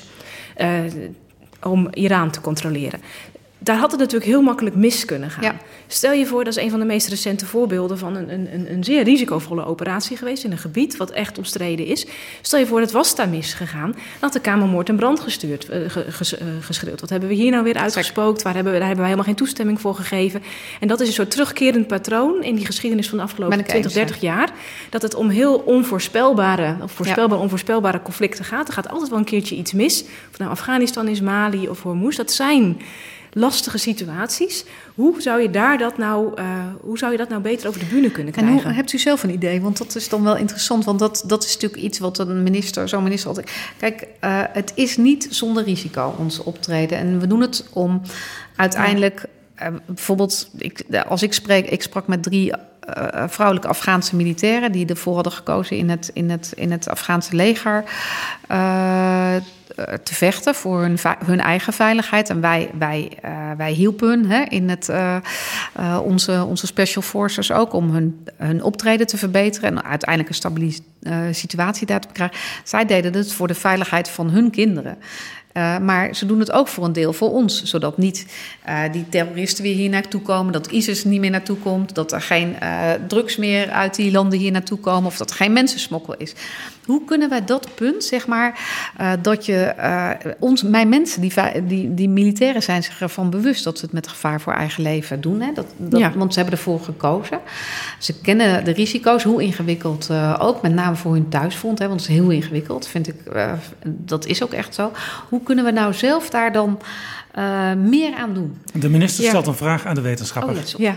Nou ja, wij hebben dit onderzocht voor de uh, missie in Afghanistan, voor ISAF. En wat we toen hebben gedaan, is dat we in uh, een stuk of twintig landen precies hebben gevraagd aan de minister en aan de generaals, de commandanten ter plekke: hoe hebben jullie je geweld uitgelegd aan de bevolking? Uh -huh. en, en, met chique woorden heet dat dan het strategisch narratief. Ja. Dus dat wat je vertelt, waarmee je incidenten verklaart. wij moeten nu een x aantal troepen naar een gebied verschepen waar wordt geschoten, waar mensen zullen sterven. En dat doen we om dit of dat te bereiken. Het interessante is dat al die landen meededen aan dezelfde dezelfde operatie in Afghanistan. Dus het was eigenlijk voor iedereen, zou je kunnen zeggen, hetzelfde strategisch narratief. En er waren dus uh, op 20 landen waren er iets van 40 verschillende strategische narratieven. En het had ermee te maken dat de PvdA hier in Nederland zei: we gaan er om uh, de internationale rechtsorde te bevorderen. GroenLinks zei: de putten, de meisjes, de wederopbouw. Uh, de VVD zei: om onze bondgenootschappelijke verplichtingen te voldoen. Ik weet eerlijk gezegd niet meer helemaal uit mijn hoofd wat het CDA zei. Um, dus, maar elke, elke partij, elke minister, elke persoon had bijna een ander verhaal. Aan het begin, als alles goed gaat, kan iedereen natuurlijk nog zeggen: zie je wel, alles zat ja. ook in die artikel 100 brief. Uh, Balkenende had alles erin gestopt. Dus het was een soort hele zak vol met cadeautjes. Mm -hmm. Iedereen kreeg zijn zin. Dat is nog steeds zo. Ja, en vervolgens ging dat mis. Maar dit, dit is helemaal afgesloten. Dat kan je dan onderzoeken. Vervolgens ging het mis. En toen kon iedereen zeggen: ja, maar ik heb mijn cadeautje niet gehad. En dit is helemaal niet wat we bedoelden. En zo hoorden het helemaal niet. Dus het, je zou dus eigenlijk en dat was dus onze conclusie, een eenvormig, een eenduidig en helder strategisch narratief van alle partijen in de Kamer. En daar zou dan ook de minister, of het kabinet in dit geval, de minister-president, zou daar dan ook uh, een, een eensluitend antwoord over moeten hebben. Alleen dan kun je dat draagvlak garanderen in de Kamer en ook in de bevolking. Als je dat niet hebt, hebben wij geconcludeerd, moet je eigenlijk niet iets gaan uitvoeren. Fascinerend. U zegt dus dat de Kamer moet één narratief hebben en volgens mij is een volksvertegenwoordiging daar helemaal niet voor bedoeld. Dat narratief moet zijn van de regering. Ja. En de regering moet daar in dialoog met zowel de Kamer als anderen in de samenleving. En dan proberen zoveel mogelijk, zeg maar, Nee, maar, dat zeg maar zo, werkt, zo, zo werkt het niet rechtsstatelijk. De Kamer moet zijn toestemming geven aan de ratificering van een artikel 100 besluit. En de mm. Kamer stopt er dan allerlei dingen nog in. En het, dan kan de regering zeggen dat doen we niet of doen we wel. Maar de Kamer moet dat goedkeuren. Ze moesten ermee instemmen in ieder geval. Maar dat strategisch narratief komt niet namens 150 Kamerleden voelt uit de nee, mond van maar Pieter wat je wel zou kunnen doen is natuurlijk dat, dat, dat uh, want dat begrijp ik dan wel, dat je zegt van nou ja, de regering kan dat narratief veel eenduidiger opschrijven. En dat, uh, want uh, dat is wel degelijk zo dat, dat je nu ook nog steeds in artikel 100 brieven heel veel, dat vinden de militairen ook, hè, heel veel dingen eromheen ziet staan, uh, uh, uh, die, die ook moeten gebeuren en die ook belangrijk zijn. Maar dat zie je dan met name in de, in de, in de, zeg maar de, in de tweede hoofdtaakbrieven zie je dat, dat staan. Als je kijkt naar de, bijvoorbeeld het optreden in het kader van de anti-ISIS-coalitie, is dat alweer wat minder. Hè? Dus dat ligt een beetje aan wat je, wat je doet. Maar ik denk wel dat we er ook hier helpt volgens mij, maar dat is meer zoals ik er nu naar kijk, is dat we gewoon veel opener durven praten over wat we doen, waarom we doen en wat de risico's zijn. En het ook dichterbij brengen. Kijk, inderdaad, het waterputten slaan, hoe moeilijk ook hè, voor ontwikkelingssamenwerking is ook, uh, ongeacht wat ik daar nu van vind, hè, ik vind het belangrijk, maar is er ook in de samenleving niet het meeste uh, draagvlak. Uh, maar waar. waar uh, we moeten veel duidelijker ook dicht bij de mensen hier brengen. En dan is het inderdaad het voorkomen dat die IS-strijder hier naartoe komt. Toch, toch is het zo. Uh, dat, wat, dat soort ja. elementen, dat, dat zorgt wel voor meer draagvlak bij ja. de bevolking. Wat beter is de graaf zegt over de Tweede Kamer. Als ik u in de Kamer zie optreden, en vooral in de plenaire zaal, dan is bijna altijd bij grote mm -hmm. problemen. Hè? Bijvoorbeeld uh, het bombardement op Hawija, waar 70 burgerslachtoffers omkwamen. u en vooral ook uw voorganger, mevrouw Hennis, heel vaak over uh, chroom 6, uh, gif in de verf. Zou u niet veel vaker, dit, deze, deze nota kan daar een goede aanleiding voor zijn, maar ook nog veel vaker gedurende de jaren van, van de regeerperiode over visie in de Kamer moeten praten? Ja. Ja, dat, dat is heel belangrijk. Vind, dat vind ik ook heel belangrijk. Uh, in, de, de, Kamer is daar niet altijd veel tijd voor. Bij een begrotingsdebat heb je daar tijd uh, voor om dat te doen. en mijn bedoeling is nu, nu wel om, om bij deze begroting ook dat visie-element nadrukkelijk mee te nemen. En dat mag ook van de minister-president, want die zegt als je visie, last van visie hebt, dan moet je naar het oogarts. Nou, dat, ja, daar gaat de minister dan zelf over, vind ik. Zover is de ministeriële verantwoordelijkheid wel dat je daar zelf over kan. Uh, daar, heeft Rutte niks mee te maken. Nee, absoluut niet. Je zou kunnen zeggen, dit is strategie, hè? Ja, dus, uh, maken we er gewoon maar dat mag zonder visie. Ja. Oh, okay. dat mag zeker. Goeie tip. Uh, nee, maar ik, ik denk wel dat het echte gesprek aangaan. En dat ja. proberen we met deze visie te doen. Hè? Het gesprek aan te gaan over, uh, over inrichtingsprincipes, over uitgangspunten, over dreiging. Dat doen we veel te weinig in de samenlevingen. Dat proberen we ook met deze visie te doen. Hè? Daar hebben we met z'n allen in deze organisatie ook uitgebreid over gediscussieerd. Hoe komen we naartoe? Wat willen we? Hoe komen we tot keuzes? Daar helpt deze visie echt uh, ontzettend bij, naar mijn idee. Gewoon één concreet voorbeeld. Het begrip kwam aan de orde. Het ging even zo over het hoogste geweldspectrum. Mm -hmm. Geen Nederlander weet wat dat is. Wat is het hoogste geweldspectrum? Nou, dat is dat je op iedere dreiging een antwoord kan hebben. Dus dat je vliegtuigen echt met uh, wapens kan schieten. Uh, hè, die uh, grote, grote tegenstanders, ja. wapens van tegenstanders aan kunnen. Dat is het feit dat wij ook. En dat je niet alleen maar ondersteunend werkt aan wat nee, anderen doen. Wij, Nee, precies. Dat je, dat je dus echt zelfstandig ook kan optreden in dat, uh, in dat spectrum. En dat kunnen wij. Wij kunnen dat met, uh, met fregatten. Wij kunnen dat met vliegtuigen. Wij kunnen dat ook met special forces, die, die echt hoog opgeleid zijn en heel specialistisch zijn. Dit is Betrouwbare Bronnen, een podcast met betrouwbare bronnen. In de nota gaat het ook over internationale samenwerking. We zitten sinds 1949 in de NAVO, konden ons altijd veilig voelen doordat de NAVO een overwicht had op onze internationale omgeving. Dat overwicht staat onder druk van de NAVO. Maar de NAVO zelf, daar kun je misschien ook vraagtekens bij zetten hoe die op dit moment functioneert. Is volgens u de NAVO nog het eensgezinde vehikel? Nou, het NAVO uh, dat is wel het, het, het anker wat we hebben voor onze veiligheids. Uh, ja, zo staat het op papier. Zo, ja, en, maar dat is ook in de werkelijkheid uh, wel zo. Kijk, het artikel 5 hè, van, van, het, van het verdrag, als je daarnaar kijkt. Als er een aanval op één wordt gepleegd, is er een aanval op alle. En dan moeten mensen om te hulp komen. Dat is ontzettend belangrijk voor een land als, als Nederland. Want alleen kunnen we gewoon echt niks. Hoe goed we ook zijn op een en nog belangrijker voor een land als Litouwen. En nog belangrijker voor een land als Litouwen, als je daar bent geweest. Dat geldt voor überhaupt voor de Baltische Staten. Als ik daar met mijn collega's spreek, die voelen aan hun lijven. Die zijn natuurlijk lang door Rusland onder, uh, nog onder Russische. Uh, Russische vlag, of hoe moet ik het noemen? Uh, Sovjet-onderdrukking. geweest, ja, precies, Sovjet-onderdrukking.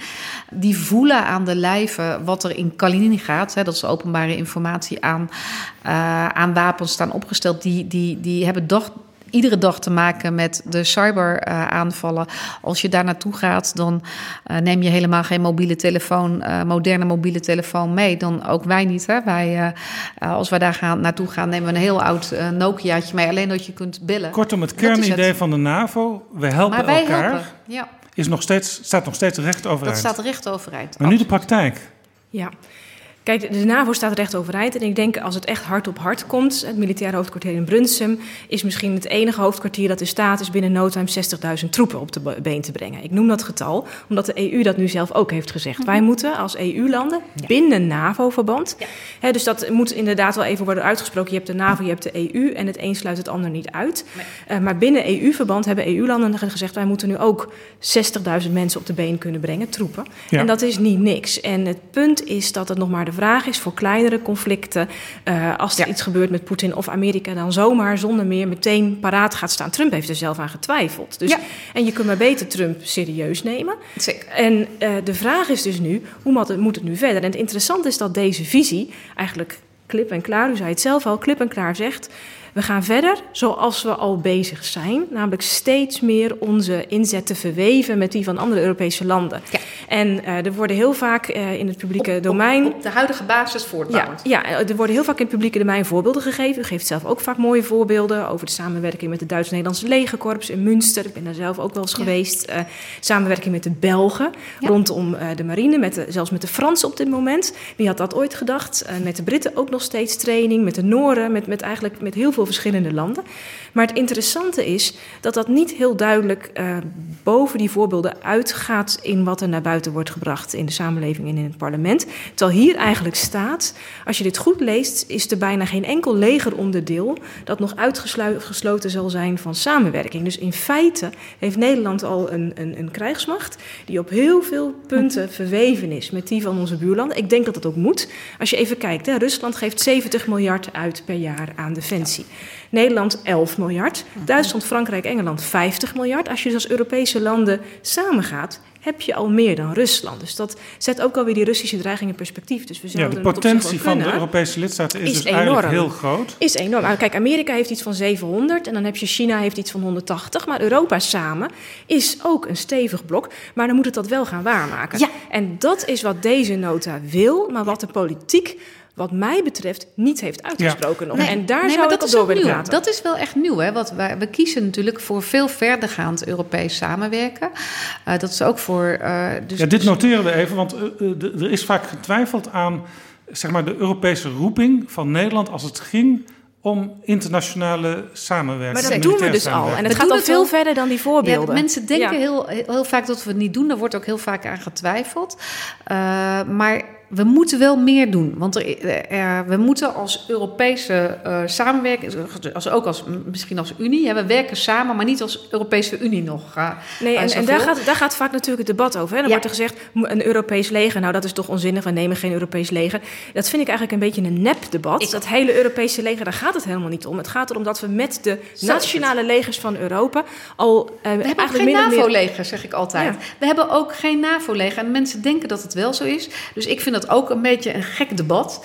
Uh, hè, want we zijn een zelfstandig land, dus soeverein gaan wij over de inzet van onze eigen mensen. Daar is ook geen discussie over. Maar dat doe je wel met je vrienden. Ja, dat doen we met onze vrienden. Maar dan moeten we dus ook wel met elkaar durven praten over standaardisatie. Dan moeten we durven praten over, een moeilijk woord, interoperabiliteit. Dat we gewoon überhaupt met elkaar kunnen met elkaar communiceren. communiceren ja, dat kunnen we helemaal niet. We hebben, en dat, dat is het voordeel van, uh, van uh, bijvoorbeeld in, uh, met, met, met, met de NAVO-partners. Maar de, als Europa moeten we het been gewoon bijtrekken. Amerikanen hebben gewoon één type vliegtuigen, één type ja. radio.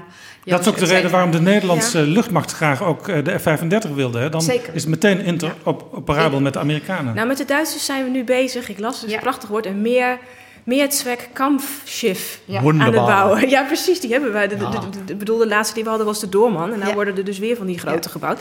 Maar het punt blijft, u, u zegt terecht, ja, je moet werken aan de interoperabiliteit. Maar voordat je dat allemaal doet, moet je eigenlijk uitleggen aan de Kamer en aan het, aan het, parlement. We hebben al lang een leger dat Europees ja. ingebed Mag ik daar is. even, toch nog even een markering doen, een tussenmarkering? Toen Trump president van de Verenigde Staten werd, toen kwam hij op een gegeven moment naar de NAVO in Brussel. Ja. Daarna was er ook nog een G20-bijeenkomst 2017. In Hamburg. In Hamburg. Met Merkel als voorzitter. Ja, en heel interessant, Angela Merkel had kort daarna een toespraak voor haar eigen achterban. En daar in, zei een, ze, in een biertent in Beieren. Ja. En daar zei ze dit. En die Zeiten, in denen we ons op andere völlig verlassen konnten, die sind ein Stück vorbei. Das habe ich in den letzten Tagen erlebt. Und deshalb kann ich nur sagen, wir Europäer müssen unser Schicksal wirklich in unsere eigene Hand nehmen. Natürlich in Freundschaft mit den Vereinigten Staaten von Amerika, in Freundschaft mit Großbritannien, in guter Nachbarschaft, wo immer das geht, auch mit Russland, auch mit anderen Ländern. Aber wir müssen wissen, wir müssen selber für unsere Zukunft kämpfen, als Europäer, für unser Schicksal. Und das will ich gerne mit Ihnen gemeinsam tun. Dit was Merkel. Zij zegt eigenlijk, Europa moet zelf de capaciteit hebben om zichzelf te verdedigen. militair te leveren. En dat staat nu ook. En Dat staat eigenlijk ook- voor het in eerst. visie. Dat staat in de visie, ja. Dat voor het hebben eerst voor in een Nederlandse visie. Zeker, dat heb ik.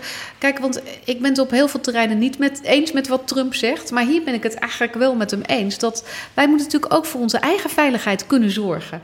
En dan zal dat nooit helemaal kunnen, want we moeten het altijd samen doen. Maar we moeten wel degelijk veel meer investeren met elkaar.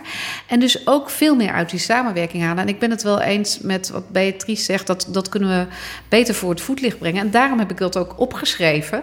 Eh, dat, het is namelijk een Dit is dus een van die fundamentele keuzes. Dit is wel echt een fundamentele keuze. Dat, staat, dat is ook echt toegelicht hè, in, de, in de visie.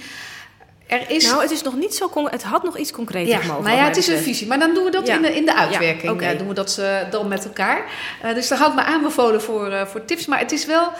eh, het is ook voor, eh, eh, voor, voor ons als defensieorganisatie wel een, gro- een grote stap om dit zo duidelijk te zeggen.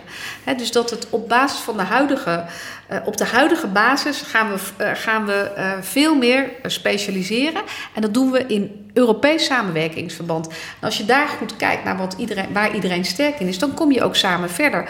Als wij goed zijn in de, in de marinekant, als wij goed zijn in de onderzeeërskant, als wij goed zijn in de Special Force en de vliegtuigen, ja, dan moeten we kijken eh, welke dingen anderen ook kunnen, zodat je samen tot iets beters komt. Maar moet je, dan, moet je dan ook niet binnen EU-verband toch een Europese Veiligheidsraad hebben om hierover te kunnen praten? Dat is een aanbeveling van de AIV. Het vindt u- gelezen, ja. Wat Ja. vindt u ervan? Er is ook een idee van de Franse president Macron, Ja, precies, Europese Veiligheidsraad. Ja. Ja, ik weet niet of de veiligheid. We moeten in ieder geval in. Nu is het zo dat ik. Ik heb ook al gepleit om voor iets van een voorfase daarvan. Ik ben er overigens niet helemaal tegen, dus dat is goed om te zeggen. Nou, de kabinetsreactie is heel interessant. Ja.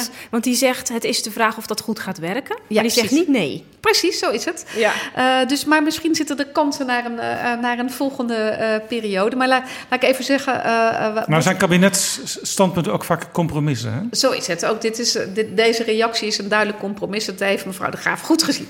Ehm, maar wat, wat ik denk wat belangrijk is om hier te zeggen... is, ik heb bijvoorbeeld al gepleit... we hebben niet eens... wij vallen als defensieministers onder de Raad voor Buitenlandse Zaken. Nou, ik heb Ja. ervoor gepleit om gewoon een defensieministersraad te krijgen. Nu, nu vergaderen wij wel apart, maar we hebben geen aparte naam. En eigenlijk is dat al gek. Hè, dus, eh nou, dus deze periode ook weer niet gelukt. Of schoon Ursula von der Leyen er eigenlijk wel voor was. Ja, dat is heel gek, want Ursula gelukt. von der Leyen zegt... wij willen een geopolitieke commissie zijn. Ja. En begrijp ik nu goed dat dit rapport eigenlijk zegt... we moeten als Europa ook die geopolitieke ambitie hebben... en daar ook Ja, militair kracht aan Ja, bijzetten. dus, je- dus je moet dat gesprek, hè, want dat is Maar wie wil dat dan niet in. Europa? Ja, nou kijk, het, eh, eh, Nederland? Nou, nee, bij Nederland. Nou, Nederland wil, wil wel samenwerken en het gesprek voeren. Wij hebben ervoor gepleit als Nederland om een aparte uh, defensieministeriële te krijgen. Dus dat heeft niet aan ons gelegen. Er zijn uh, uh, bijvoorbeeld in, in, aan de Oost. Ja, het voert te ver om dat uit te leggen. Dat is ook een andere keer. Ja. Nee, maar toch, de, de vraag van, wel... van Beatrice de Graaf is wel, toch wel interessant. Uh, ook gezien wat ze eerder zei over de Tweede Kamer. Als ik in de Tweede Kamer over buitenlandse zaken en defensie uh, algemene verhalen hoor, dan is het altijd de NAVO is hoeksteen, punt. En dan volgt er een hele tijd niks. En dan zijn er een aantal fracties die ook over Europa beginnen. Maar lang niet alle grote fracties doen dat. Nee, en wat wij nu zeggen is wel... de NAVO is de belangrijkste veiligheidsgarantie die we hebben. Maar dit is een visie voor 15 jaar.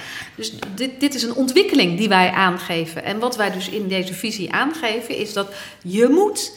En uh, dat vindt de NAVO zelf overigens ook. Je moet meer Europees samenwerken. En er is ook geen tegenstelling. Dus iedereen die daar een tegenstelling van maakt, vind ik ook altijd zo raar. Uh, ik vind het al heel mooi, bijvoorbeeld, dat Stoltenberg nu altijd een deel. De secretaris-generaal van de NAVO. NAVO een, ja. deel van de, uh, een, een, deel van de Europese raden erbij is. Waarin we dus informeel een aantal van de punten die we met elkaar bespreken kunnen aanhalen. En omgekeerd. Ja, maar je kunt zo weinig in Brussel als Den Haag niet. Zijn wij niet, zijn wij niet de vrekkige vier in Brussel op militair gebied dan? Nee, ja, wij horen hier natuurlijk aan de, aan de onderkant. Maar dat wil niet zeggen dat we niet, niet door samenwerking dingen kunnen bereiken. Want we werken, wij, ook daar zie je natuurlijk zo. Wij hebben, wij hebben, als het gaat om de vrekkige vier... hebben we wel gepleit voor meer defensie-investeringen. Voor ja. vernieuwing van het uh, Dus, dus, van dus het u, kunt, u kunt vragen dus, of Mark Rutte namens u ook naar Brussel gaat... en zegt wij willen wel meer investeren in Europese ja, we samenwerking. Hebben ook, je ja. ziet dus dat, dat, dat de Europese... Ja, zeker, dat doet hij zeker. Waarbij dus het minder, investeren, Europese... minder investeren dan eerder afgesproken in nou juist high-tech en R&D, innovatie met dank aan die Chopin-biografie, dus heel slecht is voor uw defensievisie. Ja, nou ja, goed. Er is wel meer geld voor uh, de Europese Vredesfaciliteit. Er is meer geld voor, uh, voor het Defensiefonds. Dus er wordt wel degelijk meer in, in defensie geïnvesteerd in deze periode. Daar heeft von der Leyen zich ook voor hard voor gemaakt. Het is natuurlijk zo dat je uiteindelijk hè, uh, hebben wij in de hele Nederlandse kant hebben we gezegd: oké, dit is het wat ons betreft. Maar wij waren wel voor vernieuwing van het, van het budget. En daar was veiligheid een van de ankers die wij wel hebben ingebracht. Dus dat is wel degelijk gebeurd. Had dat meer kunnen zijn? Ja, als je dat aan de minister van Defensie vraagt, zal, uh, zal hij of zij altijd zeggen: had meer kunnen zijn. Uh, maar voor nu is het wel een, uh, een stap die gezet is en een stap die we ook vol moeten houden. Het gaat mij vooral om de inhoudelijke kant van de samenwerking hier ook. Want uh, als we, als we uh, wij brengen als Nederland, want we hoeven niet, uh, wij, als Nederland brengen wij inhoudelijke thema's in. En dat wordt ook echt gezien in de Europese raden. Men, men ziet dat wij een voortrekker willen zijn, bijvoorbeeld van militaire mobiliteit. er zijn van die, met een moeilijk woord heet dat dan permanent gestructureerde samenwerkingsprojecten. Dat is dan de samenwerking op Europees, PESCO, op Europees niveau. En Nederland, de, de projecten waar Nederland aan meedoet. Maar PESCO is al heel lang vooral een papieren zaak. Ja, maar er zijn dus een aantal die goed lopen. En dat zijn de projecten waar Nederland echt ook in op investeert. Dat is die militaire mobiliteit, dat is cyber.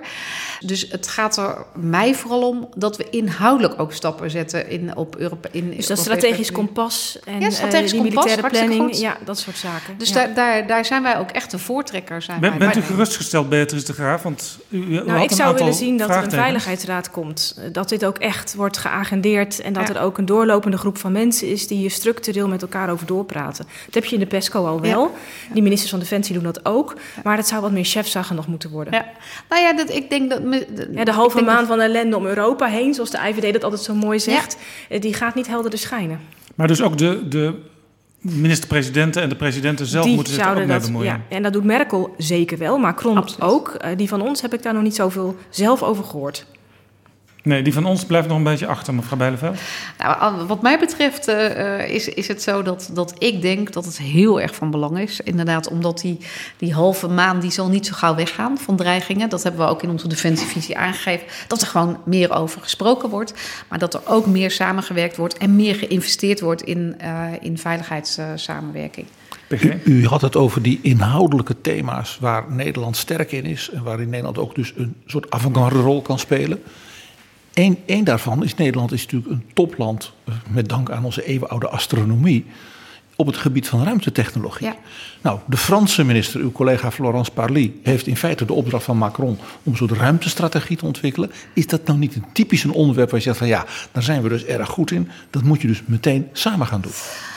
Nou, nee, zeker. Uh, dus uh, ik heb toevallig met mijn Franse collega daar uh, onlangs over gesproken. Want zij hebben een, willen een Center for Expertise in Toulouse opzetten op dat, op dat terrein. En ze vroeg aan mij of we daar niet eens naar mee konden kijken. Zoals we dat op een aantal andere onderwerpen ook doen. Dus dat doen we nu. Ik ben dat nu aan het bekijken. ruimte is voor ons natuurlijk ook een nieuw domein. Maar wij zijn heel goed bijvoorbeeld in de radartechnologie. Hè? Dat, dat, dat, als hele, je naar de, hele kleine gespecialiseerde Absoluut. satellieten. En dat is, daar zijn we goed in. Hè. Dat, dat, dat staat ook in deze defensievisie. Die, die hoogtechnologische kant. Onze technische, technische universiteiten zijn ook gewoon echt goed. Onze instituten zijn ook goed. Dus daar investeren wij juist in. En daar wil ik ook graag op samenwerken. En anderen willen ook weer graag met ons samen, uh, samenwerken. Als je de taken wil verdelen in Europa, wil specialiseren moet Nederland dan nog steeds de ambitie hebben om een volledige landmacht, luchtmacht en marine overeind te houden? Nou, ik denk, wat we hebben opgeschreven is dat we vanaf de huidige basis willen gaan specialiseren. Kijk, je hebt natuurlijk ook mensen nodig om uiteindelijk in, uh, in uh, te zetten. Kijk maar naar zoiets als een coronacrisis. Je hebt ook gewoon mensen nodig die het doen, handen en voeten. Uh, maar je moet vanaf de huidige basis specialiseren. En wat, wat zo mooi is, is dat je dus, vind ik, dat we het met z'n allen erover eens zijn dat we als je deze, deze inrichtingsprincipes gebruikt, dan kom je tot bepaalde keuzes. En dan zul je dus niet alles meer doen. Nee, dus je, je zult niet alle taken meer doen als, uh, als Nederland, maar je, je kiest vanaf, wat mij betreft, de dingen waar we goed in zijn. En dat is hoogtechnologisch, informatiegestuurd uh, optreden in. Uh, in, van klein naar groot in zelfstandige, schaalbare eenheden en ook ondersteund. Want dat is ook nieuw voor ons, dat je uh, dat je dus ook met een kleine eenheid zelfstandig kan optreden. Nu is het zo dat we vaak uh, van, uh, van ondersteuning van andere landen afhankelijk zijn. Dus we zullen ook wel degelijk meer moeten investeren in die ondersteuningskant die daarbij. Zou het ertoe kunnen leiden dat een van de krijgsmachtdelen uiteindelijk verdwijnt? Er staat ook ergens in de visie: we zullen niet alles meer kunnen doen. Dus ik vroeg me je af, uh, wat dan niet meer? Wat worden bijvoorbeeld helikopters worden niet genoemd, fregatten worden niet genoemd. Muziekkapellen. Wat, gaat, wat gaat u dan niet meer doen? Tanks zijn alleen lang geleden afgestoten. Ja, dat ga ik nu niet, niet zeggen. Wat, wat, uh, want wat, wat helpt van, van als je dit doet, is dan helpt het je om te kiezen. En dat betekent dus dat je ook je investeringen gaat, uh, uh, gaat richten. Dus je zult, zult in een aantal dingen zul je niet meer investeren als je deze principes. Uh, Laagtechnologische ondersteuningsactiviteiten. Ja, dus dat, da, da, daar, daar zal je veel minder in investeren. Absoluut, absoluut waar. Dus, dus dat betekent dus dat, dat, dat er. en dat is echt belangrijk. Dat we dus nu met z'n allen het eens zijn. dat je als je kijkt naar zo'n visie die. die uh, die een langere tijd duurt, dat je A, langjarig commitment moet hebben om te kunnen kiezen. Je kan niet zo'n zo'n grote tanker, kan je niet voortdurend bijsturen. Dus je moet langjarig commitment hebben om te kiezen. En als je dat doet volgens deze principes, dan richt je je investering en dan zul je een aantal dingen niet doen. Hoe dat uitpakt, dat is dan de, uh, dan de uitwerking. Maar dit is echt wel een, uh, iets wat heel nieuw is dat we dit zo Zou je kunnen zeggen dat de betekenis van deze defensievisie ook is dat mensen zich bewust worden van de situatie Ja. en dat op basis daarvan uiteindelijk keuzes gemaakt moeten Ja. gaan worden? Dat is het idee. Ik wil nog eventjes tot slot van dit gesprek terug naar 1989, de val van de muur en daarna van de Sovjet-Unie. De NAVO wilde toen nauwer gaan samenwerken met de Russen. Ze hebben zelfs een aparte afdeling gekregen in het NAVO-hoofdkwartier. Maar het gaat alweer jaren heel stroef. Zeker na de inval op de Krim, het gedoe met Oekraïne en het neerhalen van MH17. Toch is Rusland op defensieterrein een supermacht. Moeten we niet proberen die dialoog te herstellen? Ja, ik wil daar nog graag aan die mooie inleidende vraag nog een paar dingen aan toevoegen. Maar dan moet u hem toch beantwoorden, eh, vrees ik. um, het punt is, als je kijkt naar de geschiedenis van de Europese veiligheidssamenwerking en de veiligheidsdreigingen. En uh, de, nou ja, ik noem toch eventjes mijn eigen boek, dat uh, twee jaar geleden Nederlands verscheen en nu ook net de afgelopen dagen in het Engels is In de verschenen. beschrijving van deze aflevering zal de link naar het boek staan. Dankjewel. Uh, Dat is mooi. uh, tegen de terreur, Fighting Terror in het, in het Engels. En dat gaat over terreur als eigenlijk een soort, soort deknaam voor alle dreigingen die ook toen al in de 19e mm -hmm. en in, ook in de 20e eeuw zo werden omschreven. En bij eigenlijk alle grote momenten dat het erop aankwam en dat het barst en breken stond in Europa. De strijd tegen Napoleon, de Krimoorlog al in de 19e eeuw, uh, ook de Eerste Wereldoorlog en de Tweede Wereldoorlog speelde Rusland een cruciale rol. En meestal aan de kant van de geallieerden, aan de kant Zeker. van Nederland ook. En Nederland heeft ook eigenlijk, uh, zowel de Eerste Wereldoorlog hebben we natuurlijk indirect ook aan de Russen te danken. De Tweede Wereldoorlog zeker. Ook de Napoleontische oorlogen. Mijn eigen stad is door een, een, een, een, um, Russische generaal bevrijd. Als je op die manier door je oogharen naar de geschiedenis kijkt, kan Europa, kan ons continent uiteindelijk niet op een soort ramkoers uh, met Rusland blijven varen. En als je goed luistert, dan zeggen ministers in Duitsland, in Frankrijk, en Macron heeft ook al geprobeerd mm -hmm. een soort vorm van toenadering te zoeken. Er is ook al zeg maar in Nederland, uh, tussen de vloten, militair Zeker. tot militair, is, is er ook al communicatie. Absoluut. Wat zou nou de plaats van Rusland zijn in die nieuwe visie? Als je dus toch echt naar 2035 kijkt, hoe gaan we dan om met Rusland als het daar nu lag? Oh ja, nou, wat, wat we in de visie natuurlijk hebben aangegeven, we hebben de dreiging aan die Russische grenskant hebben we natuurlijk goed aangegeven, die we nu op dit moment zien. En die is er ook. En die is er, die is reëel. En, uh, en uh, als je kijkt naar, uh, naar de toekomst, dan, dan is het wel degelijk van belang en belangrijk om het gesprek aan te gaan met Rusland. En blijvend ook aan te gaan. En ik denk dat de strategie, op het, op, als je kijkt naar de Russische kant, die is op deter en dialogue. Hè, dus afschrikking en dialoog, wat mij druk, betreft. Druk en dialoog. Druk en dialoog ja. uh, ge, gericht. En dat zal die ook, uh, ook moeten blijven, omdat het, omdat het zo is dat we een continent zijn waar je heel dicht bij elkaar zit. En als je kijkt naar die, die raketten, en dat is natuurlijk wel zorgelijk, die in Kaliningrad staan opgesteld. Als die een stukje, he, die kunnen gewoon ons bereiken. En de doctrine aan de Russische kant, als je kijkt naar de, de inzet van kernwapens, is ook een hele andere uh, dan die, dan die, die van ons. Dus we zullen het gesprek moeten blijven, uh, blijven aangaan. Uh, maar het is wel een ingewikkelde situatie op dit moment. Als je kijkt naar bijvoorbeeld wat er met Navalny is gebeurd. Uh, als je kijkt dat daar een, een, een Novichok is gebruikt, die, hè, die ook anderszins kan worden ingezet, dan is het een, op dit moment heel precair. Dat moeten we ons bewust zijn. Maar het zal altijd maar toch, hè, Armenië, Armenië en Azerbeidzjan, dat conflict, dat is nu door Lavrov. Uh, die heeft uh, daar geïnterveneerd en het helpt onschadelijk gemaakt. En ook als het gaat om Turkije, als het gaat om Syrië. Je kunt niet om Rusland heen. Nee, maar dat is Syrië lastig. Je kunt er helemaal niet omheen. Dus je zult met elkaar ja. moeten praten. Dat ben ik heel erg eens. Uh, en je mag hopen dat er een vorm van evenwicht ja. wordt, wordt bereikt met elkaar. Maar alleen daarom is het al nodig dat we als Europese landen ook met elkaar samenwerken en goed ja. investeren. Blijft Poetin zitten na 2024? ik heb geen idee. We hebben twee historici aan tafel. De andere is PG. Jij wil iets zeggen? Ja, het is uitermate interessant. Er is net uit uh, een, ja, eigenlijk de defensievisie van u. Maar dan van één iemand die is 400 pagina's dik, namelijk Bob Gates, de oud-minister van Defensie en van ongeveer alles in Amerika wat hij niet is geweest. Een soort levenswerk. En die zegt: wij hebben met name ook richting Rusland de drie D's, hè, dus defense, diplomacy, development, hebben we gedaan. Cyber komt daarbij, space komt daarbij. En zegt, maar we hebben één ding de voorbije 20, 25 jaar ernstig verwaarloosd. En dat noemt hij values. Hij zegt, mm -hmm. wij zouden naar de mensen in Belarus, maar ook de mensen in Rusland en dergelijke, veel meer zoals hij, hij zei vroeger uh, gebeurde, moeten uitstellen. Waarom doen wij dit? Wij mm -hmm. vinden dat jullie bij ons zouden horen als het gaat om vrijheid, om de cultuur, de wetenschap, al die samenwerking die mogelijk is. Dus zei, we moeten veel meer ook van een soort nou ja, zeg maar, idealistische insteek. Waarom maar zeggen wij nou Europeanen? Dat, dat, dat, wij in Minsk op het plein moeten gaan staan, net zoals we dat ooit het westerse diplomaten en uh, wie was het ook alweer? Met Verhofstadt Van Balen? Ja, Van Balen dan op het plein moeten gaan staan in de Oekraïne zeggen jullie horen eigenlijk bij ons. Dat zal Rusland uh, deugd doen. Ik zou, die... ik zou u aanraden het boek te lezen, want dat is wat hij niet Zeker, zegt. maar dat hij zegt, wijst dat bijvoorbeeld, zegt hij niet? Hij wijst Nee. bijvoorbeeld op dat na de Tweede Wereldoorlog met het Fulbright-programma, met de United States Information Agency, het werk van Ed De soft Murrow, power bedoel je van eigenlijk. Charles Wick. Ja, ja. En hij zegt dat is de voorbije 25 jaar is dat weggezakt. En in deze onvoorspelbare Maar wereld je- moeten we dit dus waar wij voor staan, hier- ja, ik- beter ook naar die mensen Ik overbrengen. ben het wel eens, maar dan, eh, je ziet dat hier toch vaak kapot gaat aan grote ego's. Eh, om eh, het zomaar eens te zeggen. Dan gaat het gesprek voor een deel natuurlijk ook aan kapot. Wat we zien op dit moment in, in de wereld. Als je, dat hoef je. Dat is, overigens vind ik zelf ook een van de grote dreigingen die er wel is op dit moment. Dat geldt op, op veel verschillende landen. Hè. Of je nou aan naar Rusland, Turkije, Iran, China, de VS kan je er voor een deel denk ik ook bij schrijven, Brazilië.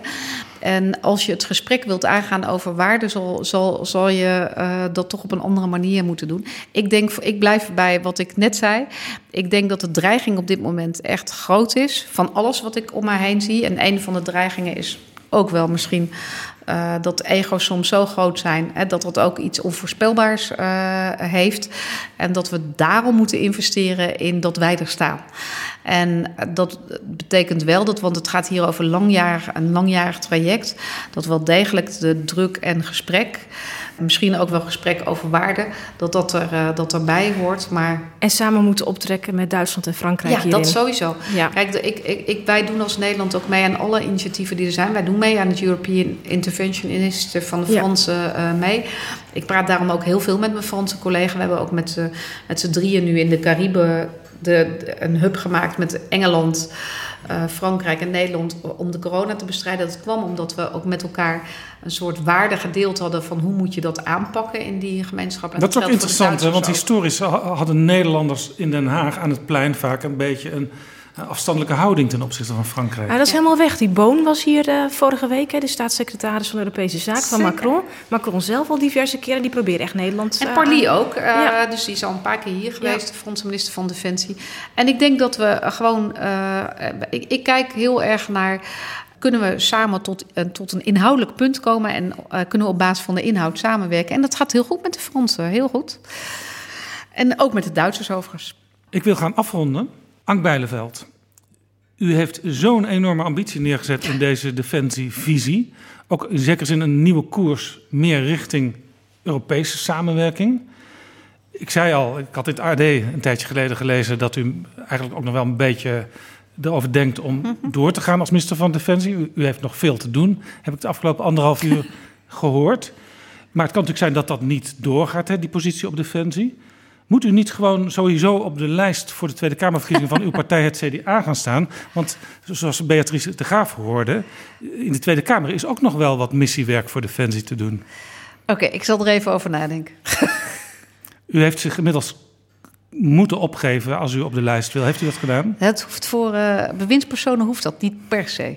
Je kunt tot het laatste moment nog ja zeggen. Dat zou kunnen. Maar ik ga dat u niet vertellen nu op dit moment. Nee, maar wat, wat gaat u doen? Dat mag u nu langzamerhand toch wel zeggen, want zo lang zitten we niet meer van de verkiezingen af. Uh, nou, ik dub daar nog een beetje over. Waarom? Hangt natuurlijk van de leuke plek af op de lijst. Ook. Nou, als, lijst, nee, als lijstduur haalt wel, zij zo drie zetels. Ik kan wel wat over dat punt, het inhoudelijke punt zeggen. Ik denk wel, als het gaat om in de Kamer, dat het, wel de, dat het gesprek over uh, wat betekent het eigenlijk... Want dat, dat houdt me wel heel erg bezig. Uh, het feit dat wij het maar zo vanzelfsprekend vinden, dat we vrij zijn, dat, we, dat, dat wij een democratie uh, zijn. Uh, en dat mensen dat verdedigen, dat gesprek aangaan, dat kan wel degelijk veel beter en kunnen we veel beter ja. doen. Dus daar precies, zal ik op alle plekken een bijdrage Dit was ook precies waar we deze podcast over ja. begonnen. Mag ik u hartelijk danken, PG Kroeger natuurlijk, Beatrice de Graaf vooral en bovenal de minister Ank Bijleveld. Graag gedaan. Graag gedaan.